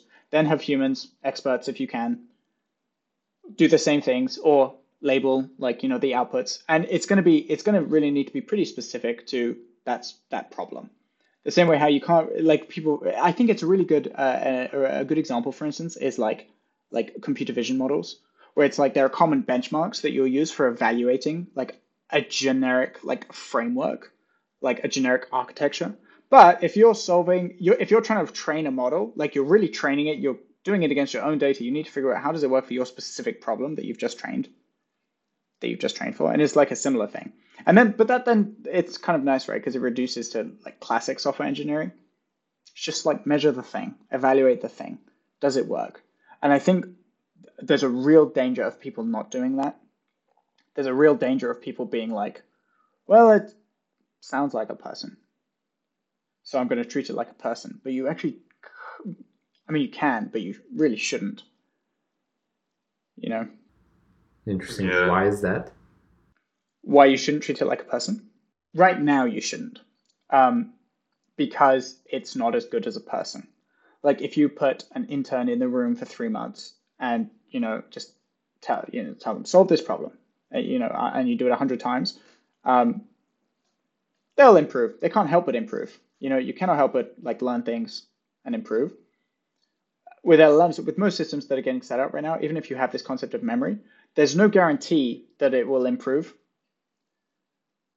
Like you need to be able to test it, but I think what's happening is people see that it looks like a person. They will try a few examples from their like that they're trying to solve, and they say, "Well, it solves them, solves those examples, so I guess it's good to go."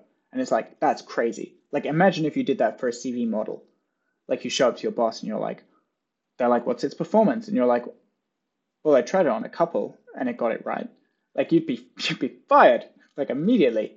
Um, but people are doing very similar things now with LLMs, but and and like you can't. Like you must treat it like software. Like you can't just be like, well, I've tried it a couple times and it seems to work okay. Yeah, so creating some sort of yeah. continuous assessment framework, right? Rather than just like an assessment in the beginning. Yeah. Even an assessment at all. Just do an assessment.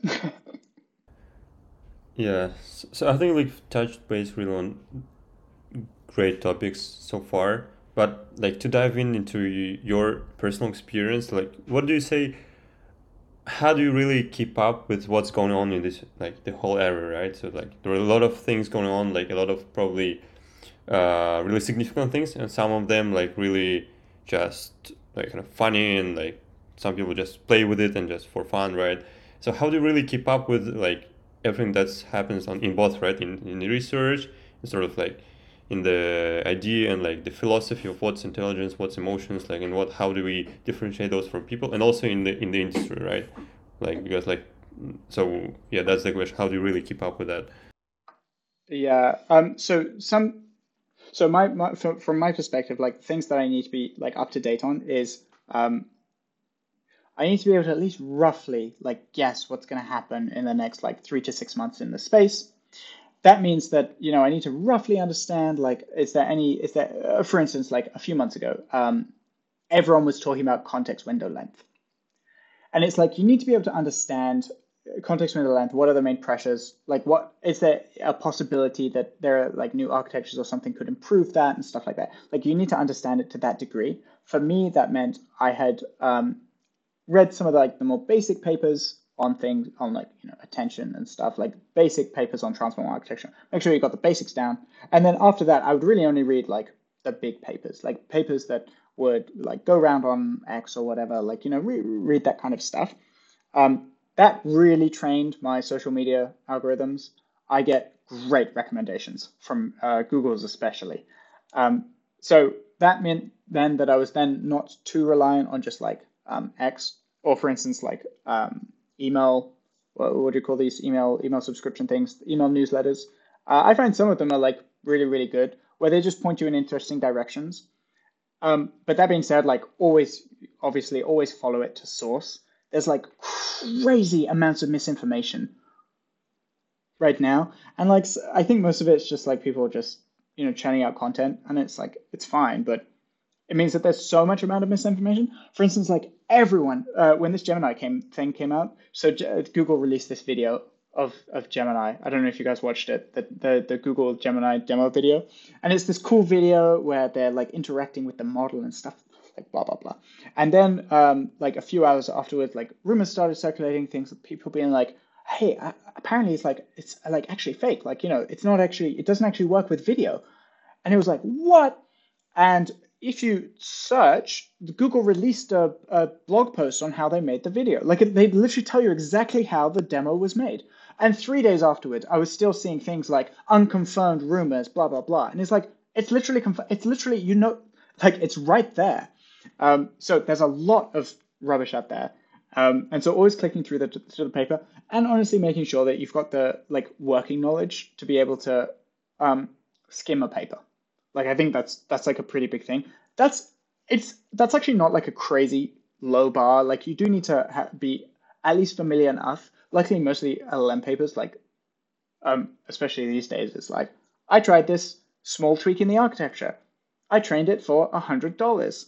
I saw five percent improvement. It's like wow, that's that's a, um, so you don't need like crazy, you know, you don't need to be a math, mathematician or something. But I do think like that's kind of helpful. Um, and then yeah, once your algorithms are trained, it just feeds you, man. It just just gives it to you. So that's really good advice, right? How to use social media. Like you really train it, like search for specific types of things that you really wanted to see in your feed, and like after a week or so, you'll probably get those. Yeah, dude, I actually think this is like such a huge thing. Is um, like sometimes I will click on a link even if I don't intend to read it, just because it's the type of content I want to see a bit more. And I've noticed it. It's crazy, you know, like if I I can tell when I'm being lax or like when I'm being lazy, because suddenly my feed, like my YouTube or whatever, is gonna start filling up with like food videos, and I'm like, oh man, I, I need to stop watching so much crap on YouTube. You know, it's like stuff like that. Like actually being being diligent about uh, what you're watching online is pretty key. Because if you're tired and it's like whatever 10 p.m. and you go on YouTube and the first thing is like, oh, pretty interesting actually looking video about like you know ML, and you click on it, that's like so great. But if it's next to a food video, I personally will click on the food video. so if Google has learned, Ash really only clicks on ML videos. It's not gonna. It's not gonna show me. It's not gonna give me the temp- temptation. yeah, yeah, and and and uh, yeah, we want we really wanted to spend some time on the to really brainstorm here to sort of spend some time to talk to you about like what do you think? Because you just mentioned that you're really trying to always think what's the what's the big next thing would be in the, in the next three or six months right? And like so let's really talk about what do you think or like and you guys also like let's chip in and think about what what could really be the next hype in the ai topic. So like we mentioned like okay llms were really big when the ChatGPT really uh, published their first version of chat. And then uh, like now you're saying that agents really did that thing that really will will be more useful in industry and sort of have a kind of uh, significant impact. But like what do you think like going forward what would really be the fascinating surprise and like the hype in this area? Yeah mm, i mean i'll go on the record right now i think within the next six months um, you know, what ChatGPT did for NLP, vision models are now going to do for computer vision, where technically a lot of these use cases people are building right now was entirely possible four years ago. You just needed a NLP team and a couple years and a lot of data, and now you can do it in an afternoon. And it's going to be the same thing with CV models, like multimodal models, like have arrived and they're crazy cool and they're so good. And it's this new build. So I, I do think next six months is going to be vision but I don't know what you guys think. Mm-hmm. So vision, are you talking about the generation of videos and or like processing and the? Yeah, much more on the processing. Generation's cool, but it um and it, it will continue to be cool for sure.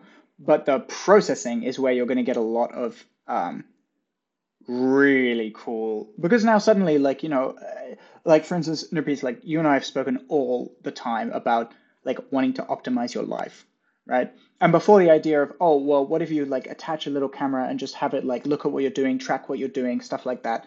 Sounds great in theory, but it would take, you know, a decade and a research team to actually implement in practice to be able to say like, even though it's obvious, to be able to say like, yeah, Ash spent two and a half hours podcasting, you know, that's very, that's a very difficult problem. Now it's trivial, not trivial, but now it's way easier. And that's just like one tiny example of something which is like going to change the game you know mm-hmm. yeah that's interesting yeah. so so like correct me if i'm wrong but like you're saying that the so before like when the first llm really big llm started to break through and like that they was trained on the a lot of text right and uh, like having right now models that would train on a lot of videos that would really quickly understand the, what's happening right? And kind of give the like sort of explanation what's happening maybe some signals that that that was really hard to do before. Exactly that. And it's like if i wanted to previously if i wanted to for instance like a lot of um, super easy use cases are things like entity extraction for llms right now give it a document tell me who are the relevant people or things in this document you could do that there were there are models that did that before it's very classic you know, and it'll be the same thing now. Whereas like if I gave a multimodal LLM like a picture of like this call right now, they would say like, oh yeah, it's four young tech bros having a podcast, you know. Uh, whereas the ability, you know, roughly. Whereas like the ability to do that, that that that was a hard problem before, and so like now it's possible right now as long as you just have the API, you just ping it. Yeah, mm-hmm. makes sense. Also with humane. Uh, AI pin, right? Have you seen it? The founders of like iPhone or something, they came together and they built this camera. And I think there is a lot more hardware right now centered around vision, right? Like that might also have like incentivize not only researchers but also engineers to use it in the this hardware in a more creative way potentially. I'm a bit skeptical about humane AI pin, but like I feel like if they create a similar platform and they are on Android, there might be users who might have used these multimodal models or like segment anything. The paper that came out on by Meta, right? Like using all of this amazing vision APIs, I feel like there is also a huge potential there. Um, yeah, I feel like there there is still uh, based on the stuff that you have said, there's still a lot of things uh, in terms of research that has to be done. So my take will also be more on the application side of existing models rather than some breakthrough foundational model that will come out soon. Yeah, the, the hardware thing is really interesting because like robotics generally is kind of like well, I, I guess unfair to say it's like behind, but like it's um like we don't have right now you can completely spoof a person you know? But you cannot completely spoof a person with robotics.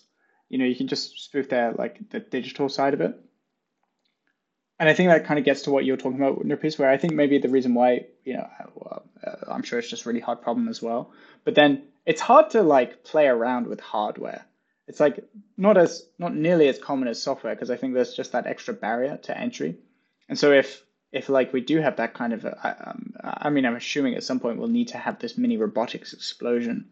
Like maybe it'll come from something like that, like the ability to play around.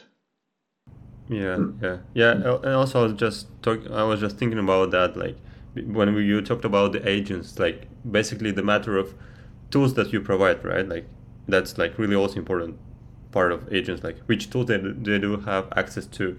And so I'm really like wondering like if for some some like some uh, robotics company like Boston Dynamics really connects to agents and gives tools to like I don't know really moving stuff and and and, and how how how really um, significant impact that would have like in terms of uh, combining those uh, LLMs agents with really cool hardware right and and another topic that really I was just thinking like when you talked about vision, the progress in vision, and having like really LLMs progress uh, progressing in uh, computer vision. So then then really uh, kind of uh, erases some friction in uh, VR, right? AR VR side. So it's like now because that's really seems like a, the biggest challenge. And uh, once we have those like really big progress, significant jump in the computer vision, that will really open up a lot of opportunities in the VR because like it's now already progressing, moving towards that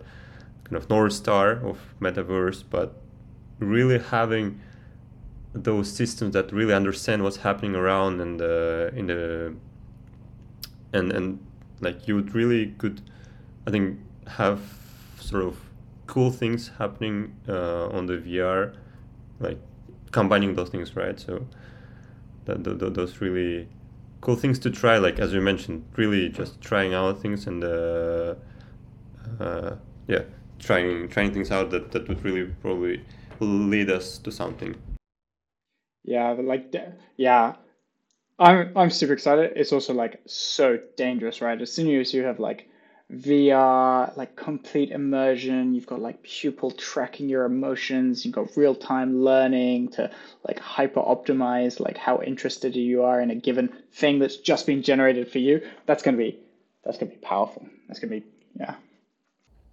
Yeah, it seems like there will be like um like right now, uh, in, in even in AR, um, there's you know some some some kind of challenges with understanding what's the surrounding look like? like I don't know what, what's the boundaries of the of the room. What's the where, where can I put the for instance the object like virtual object, augmented object, and etc. It seems like the the LLMs and like these agents and AI they they can optimize a lot the understanding of the world. Like maybe if there's darker room, maybe it will somehow optimize it to so that cameras will know more about the surroundings even in, in the in the in the darker room.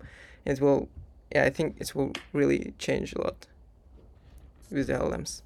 Yeah, yeah. Hope it will happen like during our lifetime so that we really try it out or uh, hopefully if it will be in a good way for people having those like danger uh, that you mentioned uh, to, to kind of prevent in the in really in advance. Yeah, nice. So um, I think the next topic is also interesting. It's more about your personal life. I think um, it's about the comfort zone and how you force yourself out of it. So, given that you're in a good position, um, how how do you think about forcing yourself outside of the comfort zone? How do you approach it? Do you actually want to force yourself outside of your comfort zone? Interesting. Like, oh, I do think it's important to. I don't know this concept of comfort zone. I'm I'm not sure if it's so like completely relevant at the moment. Where I think my where, where I'm happiest, I, I am going to be a little bit like unhappy if I'm, um, for instance, not solving a difficult problem. If today I'm not like solving hard problems, I'm going to be like less interested. If I'm not feeling like my work's impactful, then it's going to be like I'm I'm not going to be as interested. And so, in some sense, but those things are like fundamentally difficult. So it means does that mean like that comfort zone is like that that kind of difficult place? It's like I don't know if that makes so much sense to say. I think I think it's very much like sometimes definitely are more comfortable than others. Like so, I've got two weeks break coming up now. That's going to be so good. I'm not going to do anything. You know, I'm just going to be hanging out with my fam, hanging out with my girlfriend, having a good time.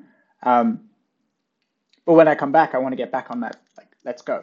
You know, and I do think maybe there's a big, big, big aspect of making sure that you're having more of those relaxing periods. I think probably I would have actually been more effective if two months ago I'd taken a week or something. Um, now I'm kind of like trailing on fumes, you know. But so I, I yeah, a, a lot around like like yeah discomfort I suppose is after a while I think yeah it's just like what's the bigger discomfort, you know, feeling like grinding or or feeling like you you haven't like made the most of potential or something like that. Like it's that's very uncomfortable as well. You know, if you're feeling like meh, not so good about yourself. Um, that's in like the work work aspect. In my relationship, though, there are so many. Then on the physical aspect, then of course, like yeah, you have to push yourself out of the comfort zone. That I think just have friends, you know, Nurpis, people like Nurpis inspire you, push you to like push yourself harder and things like that.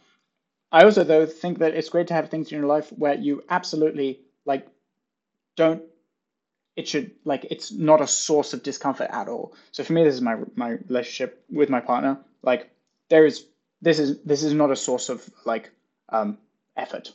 Like uh, it's it's something which like I should get joy from, and but I should not really be seeing it as like a challenge or like something that I want to like like even even in the concept of like growth or overcoming.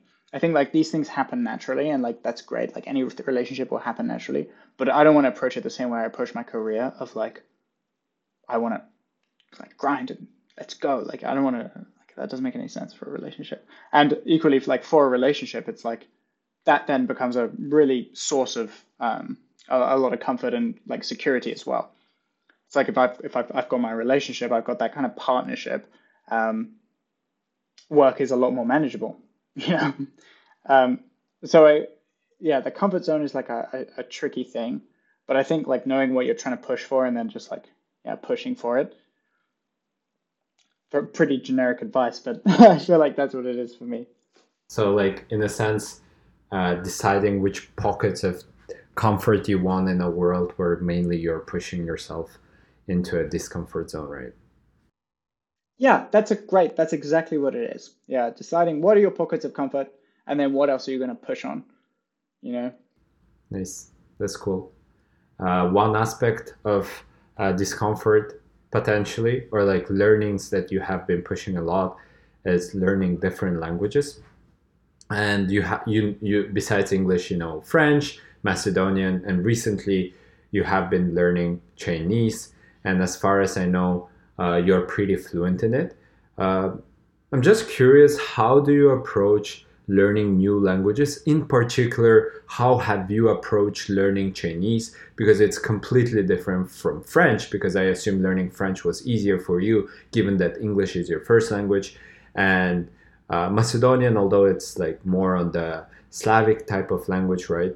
Uh, potentially it was also hard, but potentially Chinese, which has completely different patterns of learning uh, the language. How have you approached? What are the tips and tricks you uh, have for learning languages? And Yeah. what kind of strength, the, uh, like what what learning languages gave you besides knowing the language? Yeah, I first of all preface I love languages, and then second preface also my Macedonian has become awful now, so I would no longer say I speak Macedonian by any degree, because I'm not using it. Very natural. Um, so yeah, I really enjoyed languages. I've always enjoyed languages. Um, French was a language I learned at school and then lived there for a while. Um, Macedonian, I was living there, and so just you know, with your friends, you just speak it and then you pick it up. Um, and then Chinese now, uh, my partner's Chinese, and I decided pretty early on it was pretty pretty important that I like speak Chinese. Um, I think, it, especially f- like culturally, it's really difficult to understand a place. I think unless you understand the language as well. Like even just speaking with people, even if those people speak the language that you also speak, so you don't need to use that their native language. When you do start speaking with their native language, like so many different things come out, you just have different interactions. Like I just think some things just cannot be translated, and your base, like you know, and also not to keep going back to LLMs, but it's exactly the same. Like if you're prompted with a specific thing, like if you've got a different prompt, you know, it's it's it, it matters what what what's previously in that prompt. Um, so uh, with Chinese, I've learned it with uh, tutors, and this was the biggest thing. Um, uh, French I learned in class, Macedonian I learned with my friends, and then Chinese now it's been tutors. Uh, a big part of this was, especially when I started work, it was even as someone who liked languages, it was really hard to like force myself every day to like study after work. It's just so hard to do this. Um, some people may be able to, and power to them. That's great. I could not. And so um, what would happen is I would be motivated for a few weeks, I'd study consistently, and then work would get busy and it would start to drop off. Um, I then realized, hang on a minute, I'm I'm now working and I have like disposable income.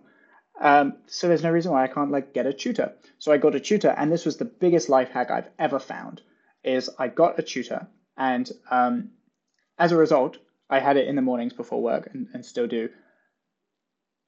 You need to wake up if there's someone waiting for you. Like it doesn't matter how tired you are. Like it doesn't matter if you've had a long day or something. Like you need to wake up because someone's waiting for you.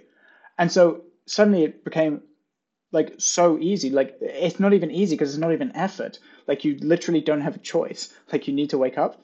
Um, so I started doing uh, um, lessons with my tutors, and this really just accelerated things. Because now, before I realized it, you know, I'd just done a lesson every day for like a year, and so at that point, you can't help but improve. And I think doing something, especially language learning is specific, I think there is such a momentum you get if you're doing it daily versus like even like once every other day. It has a really big difference.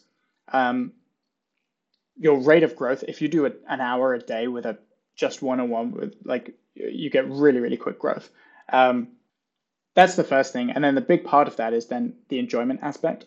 So learning Macedonian was actually like uh, relatively painless. I think because I was just like hanging out with my friends most of the time. You know, it was it's like I think this is why people pick up languages so easily. Like like uh, people who um, like in the UK or whatever. It's so just like you, you don't even think about it when someone um, from a from another country speaks English when they've learned it in schools and they speak English so well. It's not even a thought, you know. It's not even like, oh yeah. It's just like you know, so default. Even though the UK population, literally like, if you've learned a language in class, can lit, cannot speak that language. Like there is, there's like a there, like it's not even close to the same. It, it, it's one of my pet peeves when people are like, oh yeah, I, I speak I speak a bit of X, and they mean like like like hello, could I have a croissant? You know, it's like, oh my goodness, that's like not even the that's like what what are you talking about? That's like not even the same league. Like what? Um, and I think it's but a big part of I think why people are able to like learn English so well is because they're using it in a lot of different contexts. And then often it's actually enjoyable. It's like a TV show or something like that. It took so long for me to be able to get to this place where, uh, for me, it's podcasts. I can listen to a Chinese podcast and enjoy it. Like this took so long, way longer than it did for anything else. Um, and for that, it was really like just for me the thought of like you know not being able to like understand what was going on at my own wedding, like Jesus, uh, I was not about to do that. So there was that kind of motivation. Um, but once you get to the enjoyment, then it becomes way more fun, and then it's where you actually then go from like like a speaker of the language like actually you, you properly get the language, you know, because you're no longer you're just you know just just just receiving the language. Yeah, we, we have talked about actually living in different countries, like in different contexts in the beginning, right? And it seems like talking in different languages, like in three or four, like or more languages, like it's maybe level up. And and I'm really wondering, like, what what gives gives it to you? Like, what advantage do you have? Like, of course, like you can talk to more people, essentially, but maybe it's some something that impacts your mind or like you're really having easier connection with people or do you feel like it really impacts something like that or it's just just simply counting like one language two language three languages and like no no really big impact from from that perspective. Oh so hard to tell. Like i feel like it must have an impact right? It must have a huge impact. So for me the huge impact um, is being able to understand my um, partner and her family better. You know like this is like this literally would not be possible uh, without it. Like um, on like a cognitive aspect though right now it's almost more distracting because when i'll be um, speaking with colleagues or something especially like re- especially because i've just been doing chinese for so long now um, a lot of times like for some reason i'll reach for a phrase or like there's a specific phrase in Chinese that would be like really good for a specific situation, and it will you know pop up in my head. And it's kind of annoying because like I can't do anything with that. Like it's just a distraction. Because even if you translate it, it doesn't even like help that much. Um, so it can be a hindrance. Uh, that being said, the UK has a really huge uh, Chinese population, which is great. I've never actually um, never actually been able to get anything from this because I'm terrified of being that white guy who wants to show off his Chinese, so I just don't speak Chinese in the UK. Um, but I'm assuming in China it will come in useful as well. What, what, what do you guys think though? Yeah, yeah. Well, yeah. Hopefully in February. Like, like how how does your guys' other languages like affect your cognition? Do you think?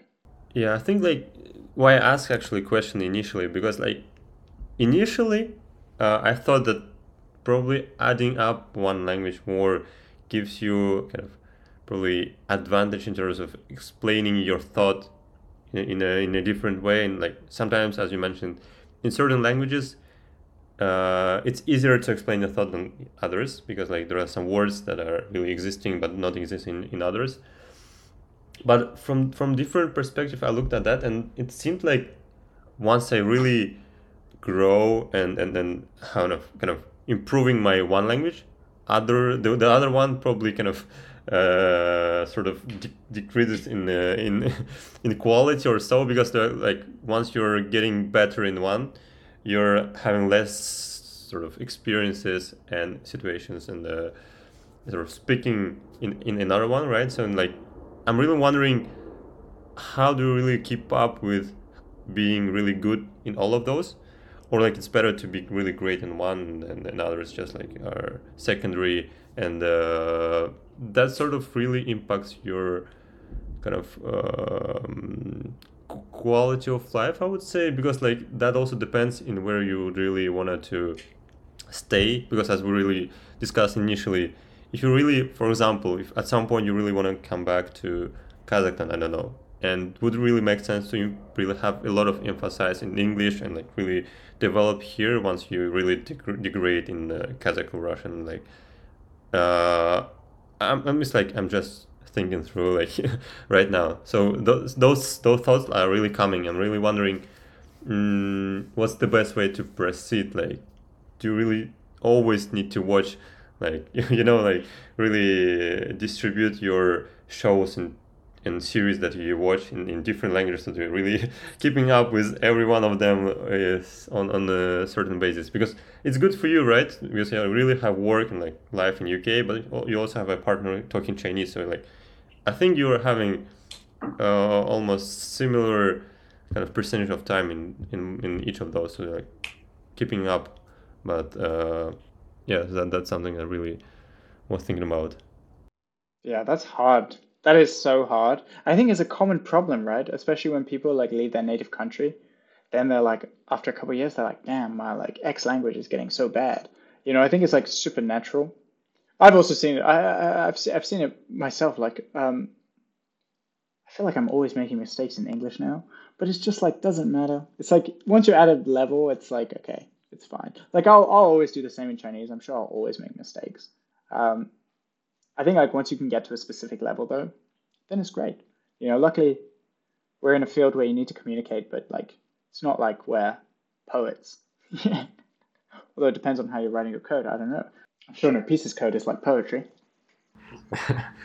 yeah, I actually agree with what Saddam has uh, noticed, uh, especially with the fact that one language gets worse. I think it's mainly because the way you think also changes because I noticed myself that I started thinking more and more English, which means I don't think in Kazakh or Russian. And I think being proactive about having a space where you actually practice, and podcast is a good space for me, at least uh, to practice Russian and Kazakh sometimes, uh, because like it would be weird to mix English within it, you know. And the same thing with English, the way I think we got really good is just by the fact that people don't really understand your other two native languages, right? So there is no excuse. And I think that's the problem that I notice whenever people want to become very fluent in Kazakh in Kazakhstan. It's harder because people understand both Russian and Kazakh, right? Which is why they're like, oh, okay, I would just use uh, Russian language because people will understand rather than like keeping Kazakh pure in a sense. Yeah. Yeah, that's hard. And like may only get more and more like maybe. It may only get more and more common with um with English, but then on the other hand now, like I think previously the effort to translate something was pretty high. Like you needed to, to actually translate something nicely. It was actually pretty high. So it was genuinely like if you want to read like yeah, the best in like whatever, sci-fi fantasy, very easy to like relatively easy to learn English and then just read the books rather than like translate every book to your native language. Whereas like that is rapidly not going to be the case. So maybe we will see a resurgence of um, more or get, just be more heterogeneous with our like languages because like personalized content will increase. There there will no longer be there will now be an ex, like excuse, you know, where or like just a reason to not. There there'll be like yeah you can just if you want to consume whatever book in Kazakh, great. Just just get just get it. Yeah, I think we're we're coming to our um, last question about like it's our traditional question in our podcast. Uh, can you give any advice for young people that potentially probably interested in computer science, maybe already in computer science?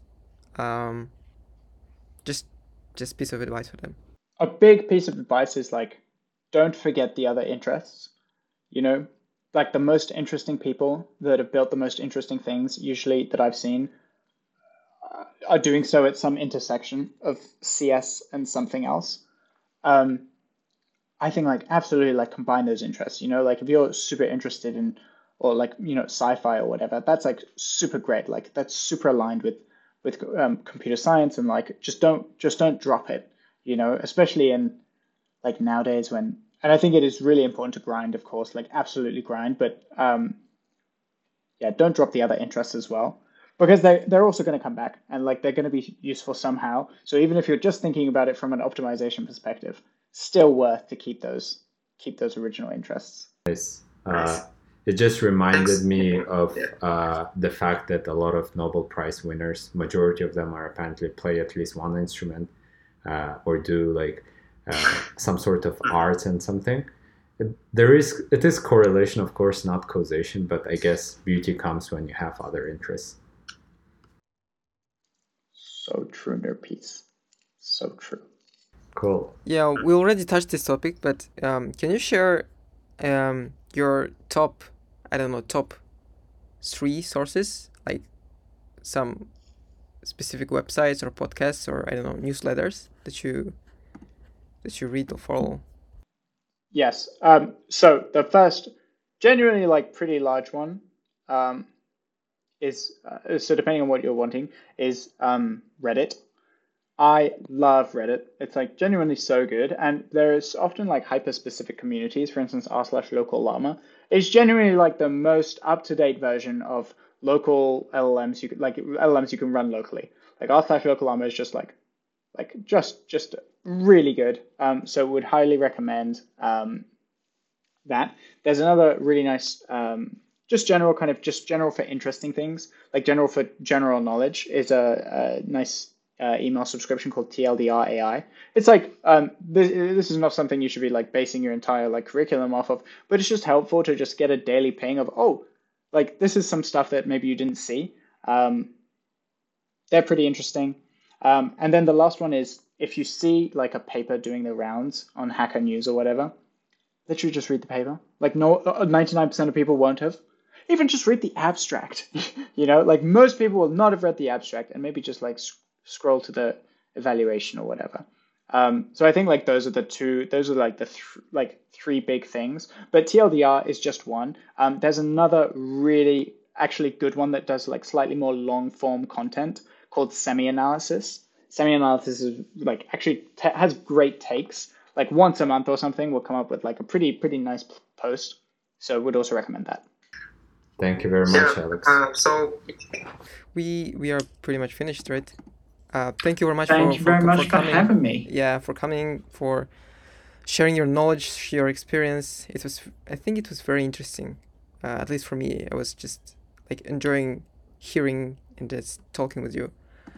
Um, yeah, thanks, thanks, uh, and for our for all our listeners, uh, comment, uh, like, and subscribe on our channel. Many thanks for for for watching. Thanks so much for having me, guys. It was an absolute pleasure. Thank you. Bye. Thank you. Bye.